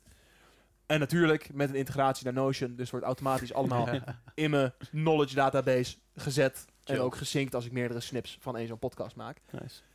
Gratis en voor niets. Dus eh, ze zijn nog eh, early stage zeggen. Voor nu is het gewoon nog gratis voor iedereen. Chill. Dus dikke aanrader voor mensen die Ja. van podcasts houden en van informatie snippen. Ja. En toen ging ik dus naar een Twitter-account toe. En dan zie je van ehm, channels that are like this one. Of iets in die richting. Weet je wel. Of, eh, de mensen die je misschien ook interessant vindt om te volgen. En toen kwam ik dus een aantal van die tools tegen. Waar ik dat mensen echt vette shit aan het developen. Een van die apps die heette Muse. En dat was een soort van visual note-taking board. Maar elk board, als je erop inzoomt, zit daar gewoon weer je nieuwe board op. En dan kan je daar weer op inzoomen en zit daar gewoon je nieuwe board op. En je kan visuals tekenen, je kan linkjes erop gooien, bestanden. Dus het is echt een soort van infinite zoom-in, zoom-out board, waar je gewoon alles op kan brainstormen. En nou, ik- nog een aantal van die apps, ik zal, eh, we kunnen misschien wel in show notes gooien. Ga allemaal van die lijpe productivity tools, brainstorming tools, creativity tools. En dat gewoon, mensen zijn het gewoon allemaal aan het beunen. Het is allemaal accessible. Ik dacht weer van, it's good to live in the 21st century, peak of human civilization, technology going absolutely ham. Ja. Toch dan weet je zeker dat één iemand na honderd keer in te zoomen in zijn whiteboard ergens een Rickroll heeft. Rick Roll heeft het opnieuw opgenomen, hè? Dus, eh, Rick Roll. Ja? Voor een reclame. Voor een eh, reclamespotje, ja. ja. ja. Eh, een nieuwe Rick Astley. Rick Ashley. Dus eh, gaaf, gaaf. Echt eh, toffe tools. En die snippet, Nice. die is ook, eh, ja, raad aan. Ik vind het ook wel een goede naam voor een vasect- vasectomy clinic. Snippet. Moet er wel een punt .io of zo zijn, hè? Anders is het niet cool. Eh, Mikkel, een shift in yields, type of plays, slow carb en eh the fund hits its first milestone. Yes, sir. Laat ik dan backwardation doen. The fund hit its first milestone. Wij hadden vanaf het moment van, of eigenlijk al voordat we gingen lanceren, hadden we ons voor onszelf bepaald van wat is de eerste milestone die, die we hitten. Ehm, of die we willen hitten eigenlijk. En die hebben we twee weken geleden gehit. Dus dat is... Nice. eh, En milestone is dan assets under management. ja, in dit geval is het inderdaad assets under man- Dus de eerste milestone was gewoon de go live. Dat hadden we gehit in, in april. Toen zijn we live gegaan. En dan wil je zo snel mogelijk werken naar een eerste point in time. Of eigenlijk point in assets. Ehm, en dat hebben we gehaald. Na dus iets minder dan een half jaar. Dus daar zijn we zelf heel blij mee. Heel goed. Dus Nice. eh, ja, daar zijn we heel blij mee. Ehm, waar we ook heel blij mee zijn, is ehm, dat we een goede hedge hebben gevonden tussen de dollar en euro. Omdat de, we doen dus natuurlijk alles eh, op basis van stablecoins. Ehm, eigenlijk betekent dat dat je 100% US dollar stablecoins hebt. Omdat de euro stablecoins zijn gewoon nog heel klein. Ja. Ehm, ze zijn er wel, ik bedoel, mm, Circle heeft er ook één. Die URC volgens mij. ja. ja, maar de liquidity daarvan zal niet hoog nee, liggen. dus, dus voor de it zouden we euro's kunnen sturen, URC terug kunnen krijgen, maar dan kunnen we er geen yield mee doen. Want er is geen DeFi-ecosysteem op die digitale euro's. Ja. En we moeten toch echt yield boeken, anders dan schiet het niet op. Ehm, of je moet het echt puur als hedge willen gebruiken. Maar dan is gewoon alleen een euro niet Ja. genoeg. Ja, Ehm, ja. Dan, dan hedge je er Eh, eigenlijk voor de mee. mensen die misschien niet in de financiële wereld thuis zijn, een hedge. Een hedge is eigenlijk om prijsrisico eh, te dempen of te counteracten. Dus stel dat je een aandeel Heineken koopt. Het aandeel Heineken is 10 euro. Ehm, dan heb je dat aandeel. Die kan omhoog of naar beneden gaan. Maar stel dat jij eigenlijk dat aandeel wil hebben omdat je weet dat er dividend op wordt betaald elk jaar, 10% bijvoorbeeld. Maar dat je niet geïnteresseerd bent in of de prijs omhoog of naar beneden gaat van het aandeel. Dan kun je jezelf hedgen, indekken, door, ehm, en dat moet dan eigenlijk met een, een derivaat, zoals dat dan heet, Mhm. een optie of een future, kan je ehm, short gaan. Dus dat betekent dan eigenlijk, je koopt één aandeel Heineken voor 10 euro. Dat kost dan 10 euro. En daarna ga je eh, een, een short optie, of een put of call, een van de twee. Ik weet het in die termen eigenlijk niet eens. Gewoon short. En dan koop je eigenlijk van iemand een aandeel Heineken, of een optie Heineken, en die verkoop je meteen. Dus dan sta je eigenlijk een soort in de min één aandeel Heineken. Ehm, wat dat dus dan betekent die, die, die optie heb je dan. Die optie Ja. die heb je dan, ja. Maar je moet hem wel terugbetalen. Ja. Je moet hem wel terugbetalen. Dus stel dat dat aandeel Heineken dan naar 15 euro gaat, dan heb je 15 euro. Ehm, maar je moet ook ter waarde van 15 euro terugkopen om je lening af te kunnen betalen. Dus dat betekent dat dan de prijsstijging eh, nul is geweest. En dat werkt dus of je omhoog of naar beneden gaat, werkt het allebei de kanten op. Ehm nou kan je dus denken van ja, maar als ik een aandeel koop en ik ga met hetzelfde bedrag short, wat heb ik daar dan aan? Want dan heb ik dus geen prijs of, eh, of ge- geen prijsschommelingen. Naar boven niet en beneden niet.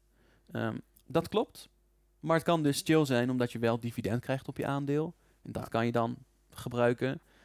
Ehm, het Dus wordt ook je- wel je- je hebt gebruikt. een soort, het is een soort verzekeringsmechaniek tegen prijsschommelingen. Ja, precies. Ja. Dus als ik het goed begrijp, als jij een aandeel Heineken zou hebben, dan zou ik die van jou lenen. En ik geef hem sowieso een keertje aan jou terug, ongeacht wat er met die prijs gebeurt, maar ik pak het dividend. Maar Misschien een makkelijker als je het helemaal vanaf het begin doet. Je bent een maisproducent. Je weet hoeveel stroom je nu betaalt, hoeveel voor je land betaalt. En je weet hoe duur het wordt om die mais te, te maken. Want dat is 1 euro per mais. En je weet dat marktprijs is nu 2 euro per mais. Maar je kan hem pas over zes maanden verkopen. Dan kan je op de, ik gok dat er dan futures is, zeg maar. Dan kan je dus een contract aangaan waarin staat... ehm, over zes maanden verkoop ik zoveel mais voor 2 euro. En dan is er iemand die zegt, nou is nu ook ongeveer 2 euro, dus jij mag die optie van mij hebben. En als dan dat contract verstrijkt, dan moet die persoon ook die mais van jou kopen. Eh, maar je hoeft dat niet te doen. En waarom ga je dat contract aan? Omdat die persoon die je de optie geeft, die zegt, maar zeg maar per week betaal je eigenlijk een subscription fee dat je die optie houdt. Dus uiteindelijk betaal je wat extra, maar waar je dus voor betaalt is het feit dat je weet, die precies. prijs staat vast. Zeggen, waarom zou die andere dat aan mij uitlenen als hij de dividend vol- volgens niet meer krijgt, maar ik betaal een beetje extra. Ja, hij, is presumably iemand die die industrie heel goed kent en die denkt, eh, zeg maar, hij, hij is niet een persoon, maar hij is de markt. En al die mensen samen maken gokjes over, nou, misschien gaat het iets minder, iets minder. Dus om dat risico af te dekken, moet ik jou 1% van de waarde van dat contract per maand betalen, bijvoorbeeld, Ja. om jou dat risico te kunnen dekken. Ja, precies. Oké, check. En dat, dat is ook de reden waarom die markt is ontstaan. Dus het klinkt, eh, zeg maar, wij gebruiken, of jij gebruikt het heel erg, zeg maar, voor financiële engineering, zeg maar, wat heel goed is voor je fund. Maar de origine ervan is heel erg gewoon vanuit productie, verkoop. En, Ja. Klopt. En eigenlijk zijn derivatives in de financiële markt, in ieder geval binnen crypto, best wel fucked, om het zo te noemen. Ehm, want, en dat is dus waar inderdaad de financial engineering kant binnenkomt. Als je dus dat ene aandeel koopt voor 10 euro en je hebt 10 euro nodig om hem te shorten, dan heb je een soort van 20 euro gebruikt. Ehm, je doet niks met de prijsschommeling en je krijgt maar 10% rendement op jouw aandeel. Dus dat is 1 euro per jaar, terwijl je 20 euro weg moet zetten. Ja, nou, dat is dat is misschien geen goed rendement. dat is misschien helemaal niet zo'n goed rendement als dat je zou willen. de verzekeringskosten zijn hoger dan de... nou, de verzekeringskosten kosten, zeg maar. kosten nu in principe niks. Ehm, alleen het is een equal aan, aan, aan wat je hebt gekocht. Ehm, los van de funding fee, inderdaad. Ja, maar maar dat, dat, dat is dan de verzekeringspremie, zeg maar. De De funding fee. verzekeringskosten is gewoon eh Zeg maar wat, je het geld wat, jij, wat moet stoppen. betalen voor de optie, zeg maar. Nou, je moet het geld apart zetten, maar je Mhm. verliest er netto niks op. Ah, Oké, dat maar is dus, hij is gehedged. Alleen je kan het geld. Ja, nee, maar, ik, ik bedoel mooi, Ja, zeg maar, in, in, in, opportunity cost. ja, maar, dus in, maar in, in zeg maar de, eh, de analogie van de maisverkoper is er een kost aan dat futures contract aangaan. De carry. Nou, je betaalt normaal gesproken een, een funding rate inderdaad. Mhm. Eh, maar dus in mijn example laat ik dat compleet achterwege. Omdat Hm. het misschien eh, gewoon al te complex is. Ja. En niet nodig voor, voor, voor mijn voorbeeld. Ja, ja. Dus je gaat nu met 10 euro koop je een negatieve optie. Ehm, waardoor je dus eigenlijk eh, nog een aandeel koopt, meteen verkoopt. En daar betaal je geen rente of wat dan ook meer over. Maar je capital efficiency, en dat is dus waar het om gaat, is heel laag. Want als je één aandeel zou hebben voor 10 euro en 10% rendement, dan koop je voor 10 euro een aandeel. En als de prijs op 10 blijft, dus niet verandert, krijg je op het eind van het jaar 1 euro. En dan heb je dus eigenlijk 10% efficiënt op je kapitaal. Maar als je dus ook nog, omdat je de prijsschommeling niet wil, 10 euro nodig hebt om short te gaan, dan kost jou het 10 euro voor een aandeel, 10 euro om short te gaan. En aan het eind van het jaar krijg je nog steeds maar 1 euro, eh, maar dan over 20 euro. Dus dan is je rendement niet 10, maar 5%. En dan in het echte scenario moet je inderdaad ook nog betalen om short te gaan vaak. Dus, maar ook niet altijd, dat kan namelijk ook twee kanten op gaan. Hm. Ehm, dus je kan ook betaald krijgen om short te gaan. Ja. Meestal is het zo dat je krijgt betaald om te doen ehm, wat de minderheid van de markt doet. Ja. Dus als meer mensen long gaan, krijgen de shorts betaald. En als meer mensen short gaan, dan krijgen de longs betaald. Ja. Ehm, maar wat je dus met opties en futures kan doen, is dat je leverage kan gebruiken. Dus wat mensen dan doen, is dat ze denken, ja, kijk, ehm, ik denk dat die gaat schommelen tussen de 10 en de 12. Of tussen de 8 en de 12. En je koopt hem voor 10, dat is 20%. Dus in plaats van dan 10 euro gebruiken om één keer een heel aandeel short te gaan, ehm, heb je dan bijvoorbeeld 2 euro wat je gebruikt om met een leverage van 5 keer nog steeds 10 euro short te gaan, maar gebruikmakend van 2 euro collateral. En dat gaat prima, ehm, tenzij dan de prijs valt buiten 8 of 12.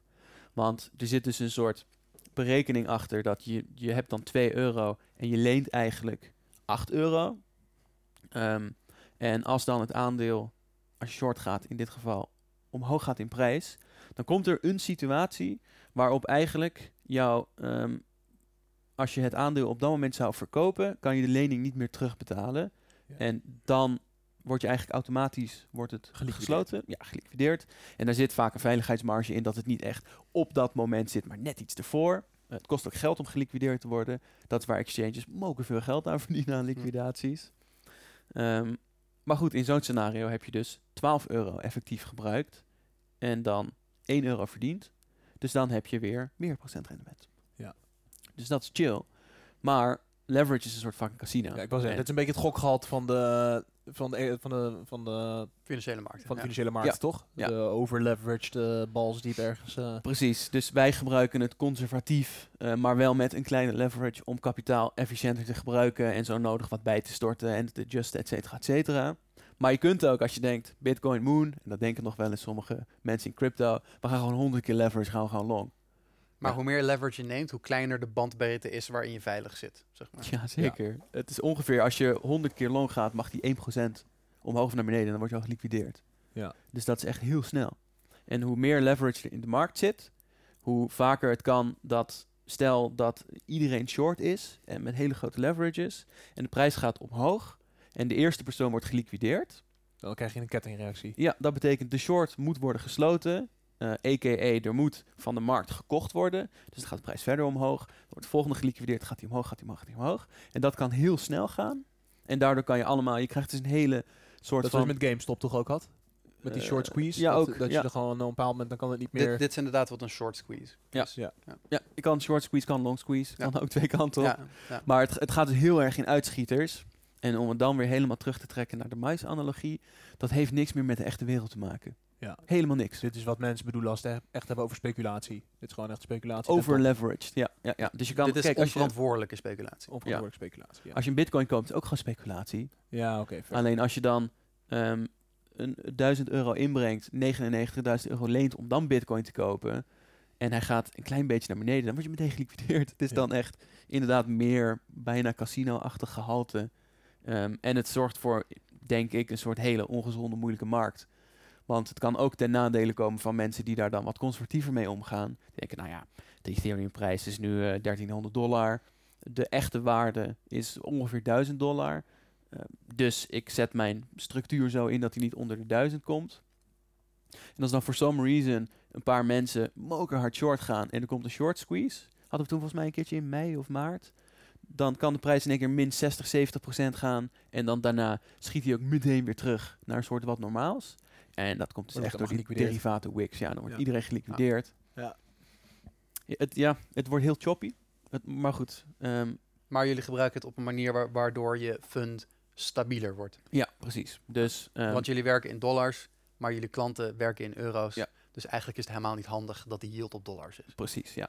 Dus wij hebben dan het portfolio zo gehedged dat als de euro-dollar koers nu verandert, doet dat voor ons resultaat in euro's niet zoveel.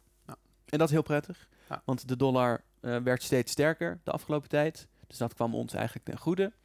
Eh, er was in het begin, in april toen we live gingen, ook nog geen goede hedge mogelijkheid. En nu wel. Ja. Dus stel dat de euro nu weer sterker wordt, weet ik niet of die dat doet. Ehm, dan maakt het Ja, voor ons maar niet jullie heel zijn ook geen Ja. currency spec, jullie zijn geen Nee. foreign exchangers. Dus Nee. ja. Maar jullie wel de bonus van de dollar nog mee weten te pikken dan. Klopt, ja. Dus we hadden een soort van geluk dat, Ja. dat, dat, dat, dat de dollar sterker werd. Eh, en nu zijn we gewoon lekker gehedged. Want we zijn inderdaad geen currency speculators. We willen Zeg gewoon maar, yield het in is leuk dat het zo Ja. gelopen is, maar dat moet je ook Nee, niet willen. dat Ja. Nee, spelen. Nee, nee, klopt, ja. Het had ook andersom kunnen zijn. Dan inderdaad als laatste navolging daarop. ehm, de strategieën binnen DeFi worden in ieder geval voor ons fonds steeds interessanter. Ehm, complexer ook, maar Ja. ook leuker. Interessant als een le- esoterischer. Het is Ja. niet zeg maar gewoon een liquidity provider tussen twee stablecoins. Precies, ja, Ja. dat kon eerst. Gewoon twee stablecoins, USDT, USDC en dan gewoon 32% APR. En dan gewoon daar lekker een maand in kunnen blijven zitten. Die tijden bestonden er, eh, nu niet meer. Dus we moeten nu inderdaad moeilijkere stra of niet moeilijker, maar iets complexere dingen Hm. gaan bedenken. En dat is heel leuk om te doen. En we zijn daar, eh, vind ik zelf ook best wel goed in. Hm. Dus dat zijn leuke puzzelstukjes, laat maar zeggen. Dan he- heeft iemand een idee en dan duik je daar met z'n allen op. Stijn, Mark, ik. En dan ga je alles bekijken en doorrekenen. En denk je, ja, ja, klopt, nice. En dan kunnen we het gehedged gaan doen. Of niet. Dat hangt Ja. natuurlijk vanaf. Maar, Dus eh, dan voor, als voor, of tenminste voor mijn beeldvorming, dan ga je dus eh, ergens één token pakken, die stop je ergens anders in. En wat je daarvoor terugkrijgt, dat stop je dan weer ergens anders in. En dat wat je daar krijgt, dat eh, zet je dan weer ergens in steken. En dan de yields daarvan. Een zoiets. soort van een complex systeem tussen allemaal verschillende Ja. tokens en, en systemen en zo. Maar wel alles op basis van stablecoins. Dat blijft bij ons. Dat is gewoon Ja. ons mandaat. En dat vinden we belangrijk. Dat is echt onze founding pillar. Het collateral is gewoon stablecoin ten alle tijden. En de strategieën die we draaien zonder stablecoins, die zijn gehedged. Ja. Ja. Om, eh, ja, Nice. omdat we geen volatility in ons portfolio willen. Nice. Maar goed, dus dat is leuk. Gewoon Ja. puzzeltjes zijn altijd goed. leuk. Lekker bezig. Ja. Eh, dan zijn we aangekomen bij onze ene laatste rubriek. Eh, want we hebben nog eh, eh, heel veel tijd te vullen in deze podcast. Zoveel tijd te vullen nog. Damn. Ehm, waardevolle resources van Awakening from the Meaning Crisis. Ah, deze shit. Ik ga echt lekker op deze shit.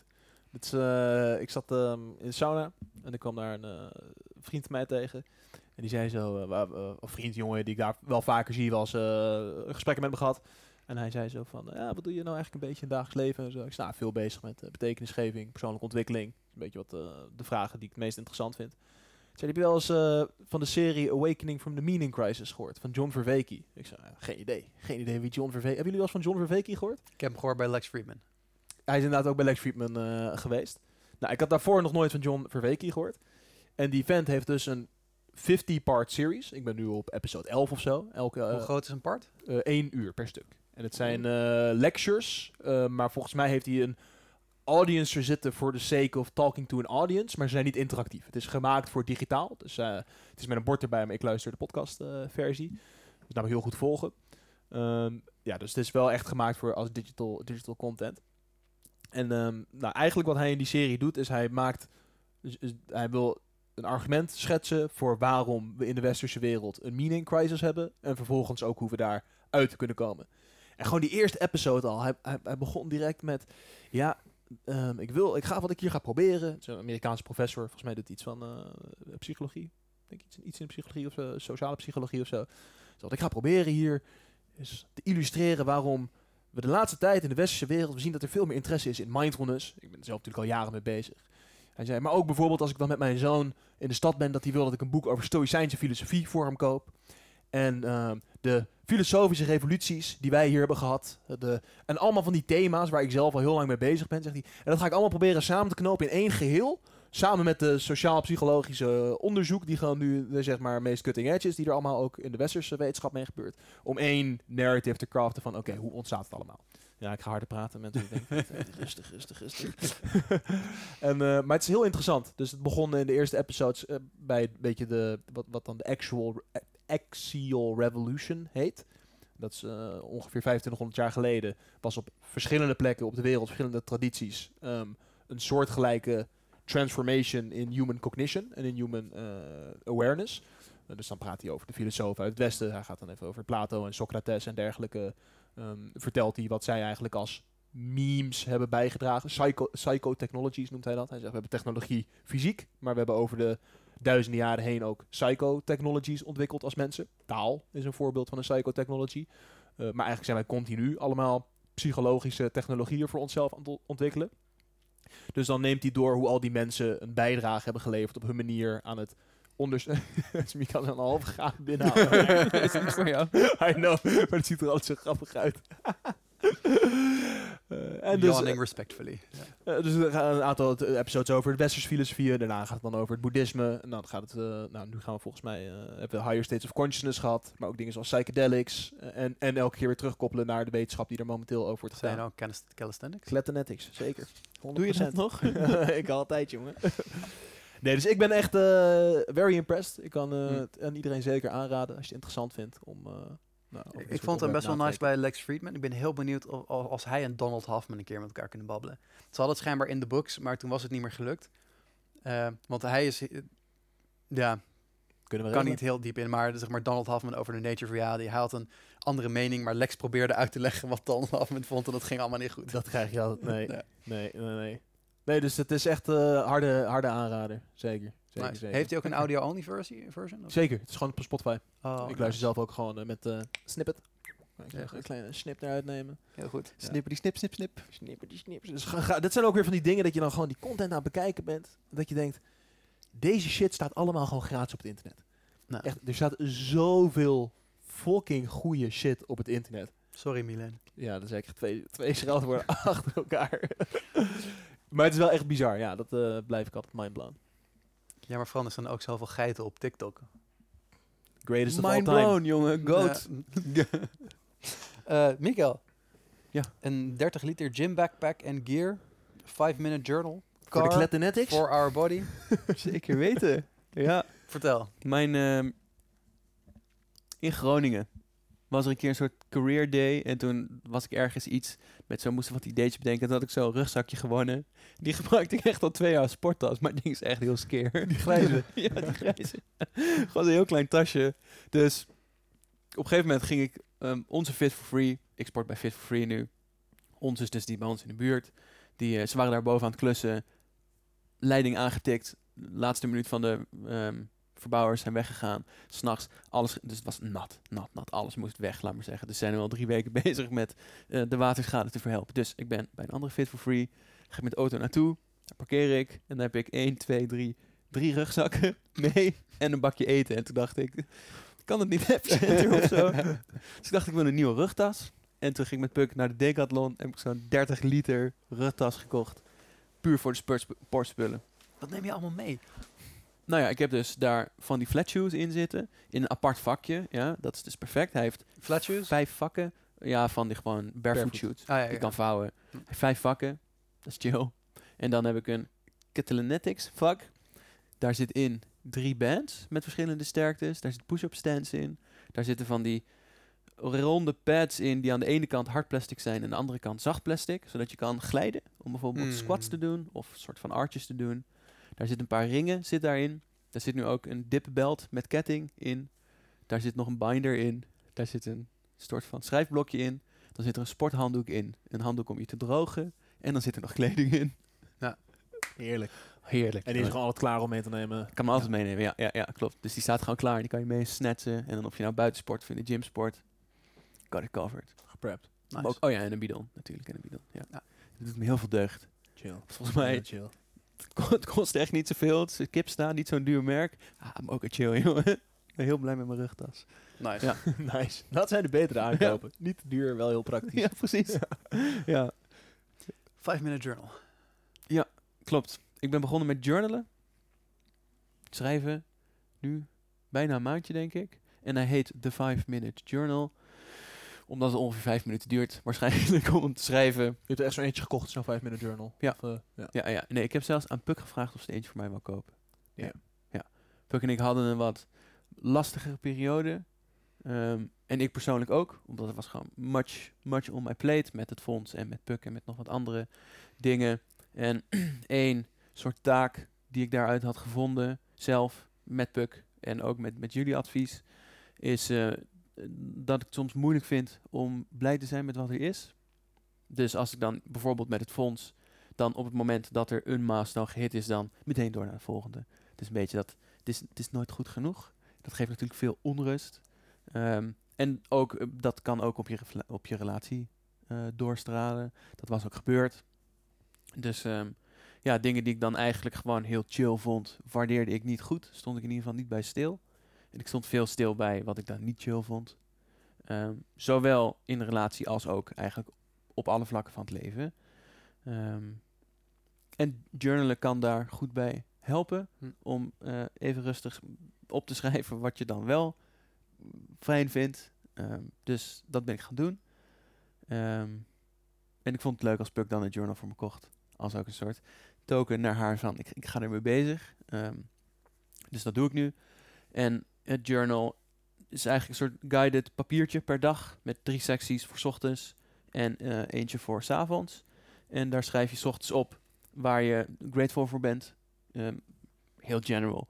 Kunnen kleine dingen zijn, kunnen grote dingen zijn. Dan mag je opschrijven wat je wil. Wat heb je vandaag opgeschreven? Waar is je dankbaar voor? Eh, weet ik niet meer uit mijn hoofd. Weet ik niet meer uit mijn hoofd. Nee, moet ik in mijn boekje kijken. Ik schreef, ik schreef altijd op mijn blikmonster. Ja? Zal ik daar... Blikmonster, lekker. Nice. Chill. Can be grateful for anything. Ja, ik heb wel eens morning coffee, heb ik er wel eens opgeschreven. ja, klopt. Ja. Ehm,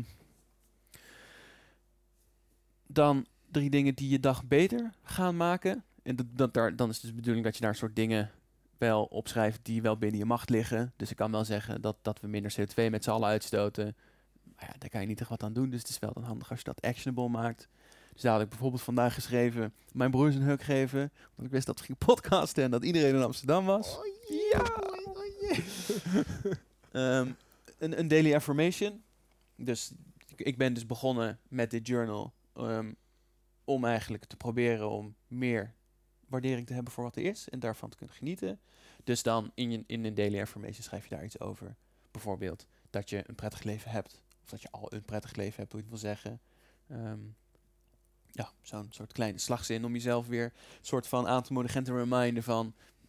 Inderdaad, you got this. Ehm, en dan s'avonds schrijf je op wat waren de highlights van de day en wat heb je als een soort learning af, uit de day gehaald. En dan elke dag één nieuwe pagina. En er staat nog zo'n leuke quote, elke dag staat erboven. Dus het is een beetje guided. Ik bedoel, je kan ook de puntjes zelf beslissen, ze eruit halen en het gewoon zelf invullen. Maar ik vind het altijd wel leuk. Het is gewoon zo'n boekje. Gewoon met een beetje dan- guided. Ja, Ja. ja. een beetje guided. Ja. En merk je verschil? Ja. ja, het bevalt heel goed. Ja, ja het bevalt heel goed. Nice. Ja. Shout out to the 5 minute journal. Yes, Ja. shout out to the Ik heb hem ook vaker Journal. langs geho- gehoord met, met wat podcasters en zo die ook een groot fan van waren. Nou, krachtig. Als Milan eh, ooit naar deze episode luistert, ik wil er ook wel eentje hebben. Je mag hem aan mij geven. Dat is echt een cadeau. nou, to be fair, altijd als ik cadeaus voor mij moet halen is altijd een probleem. Want, Ja. ja, I don't know. If I want something, I like to get it. Ja. Oh, ik heb één cadeau, even tussendoor, gevonden. Moker chill. Voor iemand of voor jezelf? Voor, nee, voor iemand anders. Maar ik vind hem zo chill dat ik nu in een dilemma ben. Wie ik hem ga geven en in welke hoedanigheid. ik zag het voorbij komen. Ik dacht, oh, dit is echt... Kan je het Perfect. zeggen of luistert deze persoon naar de podcast? Nou, misschien zijn jullie wel een van de personen. Oh. Who knows? Oh, ja, het is echt, ik zag het, ik dacht, ik zag, ik zag het gewoon voor me. Ik dacht, ja, perfect. Maar ik dacht, oeh, maar voor wie dan? Het is echt Dus ja. man. Hem gewoon zo gooien en dan ons hier zo Ja. in de dark laten. Anticipatie. Enjoy being in the dark. Dat is ook wel leuk. Nou, over, over speeltjes gesproken. Ik eh, heb een waterflesje gekocht. Waar ik heel blij mee ben. Kijk, ik liep tegen een ontzettend klein probleem aan. Namelijk, ik wil graag als ik op reis ben in een trein of whatever. We gingen naar Parijs voor, voor eh, East, eh, toen. En ik had een, zo'n bekertje bij me, gewoon zo'n keep cup van glas. Want ik wil niet liever hete dingen uit plastic drinken. Ehm, zowel plastic niet chill, maar ook dat er met chemicals en zo in, in de hitte. Koud vind ik minder erg, maar heet liever niet. Liever ceramiek, dus ik had glas. Maar dat is zwaar, relatief. Te zwaar om gewoon altijd in je tas te hebben. Dacht van ja, wat, wat, wat zou ik in mijn tas kunnen gooien waar ik heet in kan doen, maar het weegt niet zoveel. Nou, veel gegoogeld verder, kom je dan gewoon uit op stainless steel. Gewoon roestvrij staal is gewoon top. Weegt heel weinig. Doe eens Eh, niet. Het roest niet, dat is heel fijn. Zwart staal. Ja, ze is van staal, dat is ook zeker waar. Ja. Ehm, maar je kan dus heet en koud in doen, want ik bedoel, je hebt ook gewoon RVS pannen. Like, hitte is allemaal geen probleem voor dat ding. Ehm, maar die flesjes waren altijd zo groot. Zeg maar, als je naar dopper gaat, ik vind die dopperflessen vind ik allemaal cool. Ehm, maar één, ze waren altijd van plastic. Of de stalen waren dan dubbelwandig, dus dan zijn ze gelijk weer zwaar.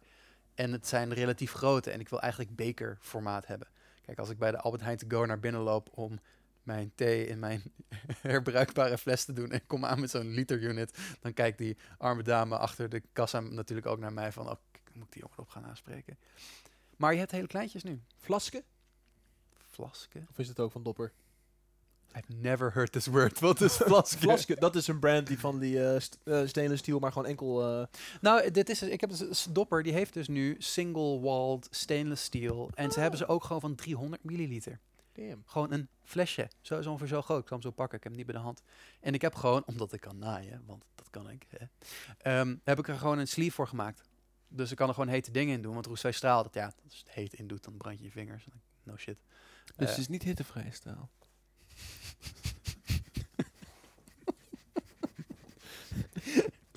Sorry luisteraars, dit gebeurt als we te lang. we hadden ook niet gelijk de wijn moeten opentrekken. Maar goed, hè. Ehm, maar nee, dus dat. En oh, wat ik wel heel chill... Ik had een backup, heb een backup telefoon. Jullie hebben dat emergency nummer. Ehm, dat zeg maar een... een Hebben wij dat, denk ik? dat, dat, dat heb je. Je hebt ook mijn emergency. Ik heb dat nummer en ik heb toen gezegd, hey, zet dit erin.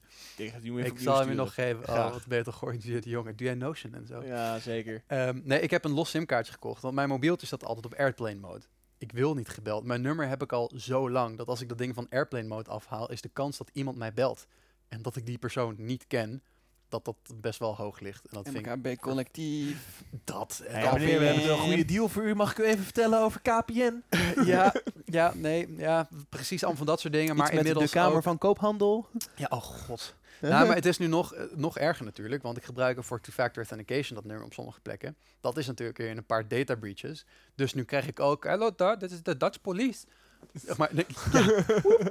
ik, you, you joke, hè, maar dit is echt precies, dit is Milen overkomen. Dat een geautomatiseerde telefoon haar belt met, this is the regional Dutch police. Die heb ik ook gehad. Oh Nice, man. Maar oké, mijn conclusie was, weet je, ik, ik wil, maar Milen wil mij kunnen bellen voor het geval dat er echt iets ergs is. En ik vind dat op zich wel een fijn idee dat mensen mij kunnen bellen. Maar dat, gaat, dat wordt hem gewoon niet. Dus ik dacht, ik hou gewoon een los simkaartje.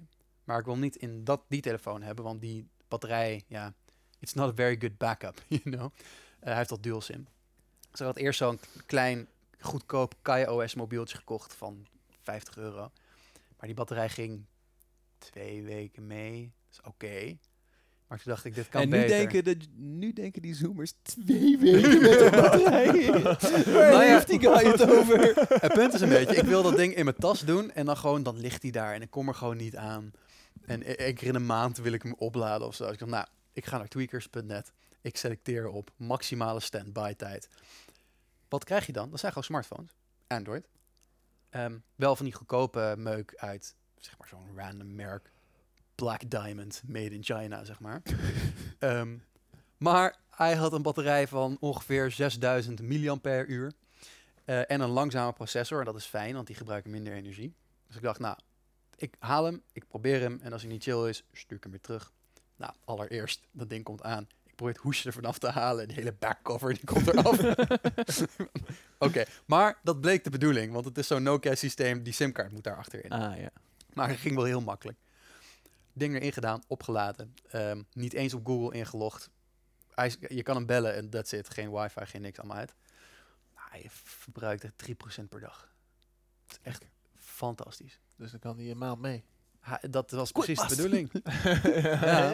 Ja, dus eh, Ik ja. moet ook financiële industrie en ik ben een snelle mat. snelle mat. Ik doe snelle mat. Ehm, dus ja, daar, ben- daar ben ik heel blij mee. Dat hij in mijn, eh, in mijn tasje zit. Dus ik zou zo het emergency nummer geven. Doe maar, dan kan ik je bellen. Nou, het staat altijd op loud. Doe dat ook niet als het niet belangrijk is. Because ik kan nu nummers blokkeren, hè? Want Ja, het is een smartphone. Hoe vaak bel ik je nou, man? Ja, je weet dat ik niet te bellen ben. Je, je weet wie Ehm. het nummer dan niet moet geven. oh jee. Dat weet ik. Ja, ik weet meteen. Ehm, hey, next up. We gaan hem afsluiten, denk ik. Goed plan. Ja. Fran, je gaat lesgeven in MBO. Nou, ga, weet ik nog niet. Maar ik zat laatst in de trein. En toen dacht ik, er is zo'n werknemerstekort in Nederland. Niet overal, maar wel op heel veel cruciale beroepen zijn ze gewoon op zoek naar mensen. En ik dacht van ja, ik ben nu een carrière proberen aan het bouwen als content creator en als spreker. En ik dacht ja, het, weet je, een beetje Arjen eh, eh, Lubach stukje van de coach, coach, coach. Of de, tra- de trainer, trainer, de trainer. Ik wil eigenlijk ook wel gewoon iets doen wat een beetje duidelijke één op één maatschappelijke impact gewoon heeft. Niet om geld te verdienen, maar gewoon om een bijdrage te leveren. Dus ik dacht bijvoorbeeld bij de NS of zo aan de slag. Toen dacht ik, ja, bij de NS, weet je, daarvoor zou ik ook Ze is de hele dag thuis te staken. Het schiet ook niet op.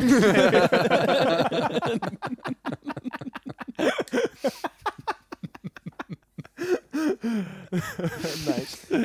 Nee, dus toen dacht ik van, eh, waarom niet op het middelbaar onderwijs of op het mbo gaan eh, lesgeven, één dagje per week als gastdocent. Gewoon eh, vier uurtjes, zes uurtjes per week.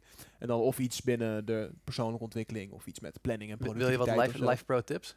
Tuurlijk, altijd. Twee dingen die mij zijn opgevallen met lesgeven op dingen. Ehm, hoe hoger, quote unquote, hoe academischer, hoe minder papiertjes je nodig hebt. Dus basisschool, dat, ga je, dat, dat, dat mag gewoon niet, behalve als je allemaal dingen hebt. Universiteit mag je altijd komen, lecture, dat is allemaal prima. MBO zit er een beetje tussenin. Je moet eigenlijk allemaal dingen, maar je hebt een jaar of twee voordat je dat echt hoeft te halen. Nou, het, dat hangt dus af hoeveel uur je doet. Ja, maar als je dus weinig uur doet, eh, als je dat doet als freelancer, en elke MBO-school haat mij nu, maar dan betalen ze heel veel meer. Ja. ja, maar ik wil dit dus juist niet doen voor de betaling. Maar je hebt een eigen bedrijf, dus als jij in dienst gaat, dan kom je wellicht in de moeite met dat je je uren niet kan maken en dan krijg je geen belastingkorting meer. Ik, ja, ik kom nu sowieso nog niet aan mijn uren. En Ah, oké, nee, dan heb je dat ik probleem. nog echt ver, on- ver onder mijn uren. Eh, het is meer gewoon van wat ik ben op, eh, op het HBO ben ik al gastdocent. Daar geef ik al les aan HBO-klassen, dus dat doe ik eigenlijk hetzelfde al. Maar daar vraag ik gewoon volle map. Dat is Hm. gewoon eh, mijn business, zeg maar. Maar ik dacht, MBO, het lijkt me gewoon leuk, ook als je gewoon een klas hebt of twee klassen, die je dan ook gewoon elke week ziet. Meer vanuit het maatschappelijke perspectief. eh, Ja. Ook omdat MBO'ers zijn toch ondergewaardeerd, zijn hard nodig. Ik heb Ja. zelf ook MBO gedaan. Eh, dus ik dacht, dat is leuk, ook met één voet een beetje gewoon in de praktijk blijven staan. En meer echt vanuit maatschappelijk perspectief, weet je, gewoon tegen wha- whatever het loon daar dan is. Dat Ja. doe ik dan niet voor de inkomsten, maar gewoon omdat het mooi lijkt om één dag per week iets te doen. Wat ook gewoon nice. een beetje... eh, Meerte is trots op je. dankjewel Meerte. Fran die hadden net, noemde net Lisbeth Meerte. For whatever reason. ik wilde Ah. Milen en Lisbeth door elkaar heen zeggen. En daarom ging het mis, denk ik. Mentor zei, wij hadden kaartjes gekregen voor de sauna. Toen, maar het ging over Ja, Lisbeth. zo ging en het met Meerte. Mensen ik... Ja, nee. Wie is Meerte? Ja, Ja, dat, dat zo ging, het inderdaad. inderdaad. Precies. Eh, maar, eh, wacht, Ja. de- jongens, de eindstreep is zo dichtbij. Ehm Mikkel, pompen met het fonds. Spreekt voor zich, toch? Pompen met het fonds, yes. Be weak, no. Oké. dat, dat, dat, Goeie doelstelling. wij schrijven op wat we dus wel gaan doen deze maand en wat we liever niet willen doen dit maand. Ik ga wel pompen met het fonds en ik ga niet zwak zijn. Top. Voilà. Goed zo.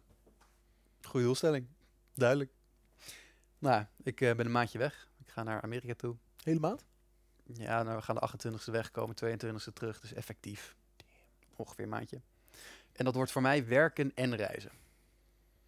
Milen alleen reizen. Dus ga kijken hoe we dit logistiek eh, aanpakken. Maar dat Enjoy. Enjoy. komt, eh komt Doe Uncle. Joe de groeten. Ehm, ik denk dat hij niet meer herinnert hoe ik heet. Nee, dat eh, vrees ik ook.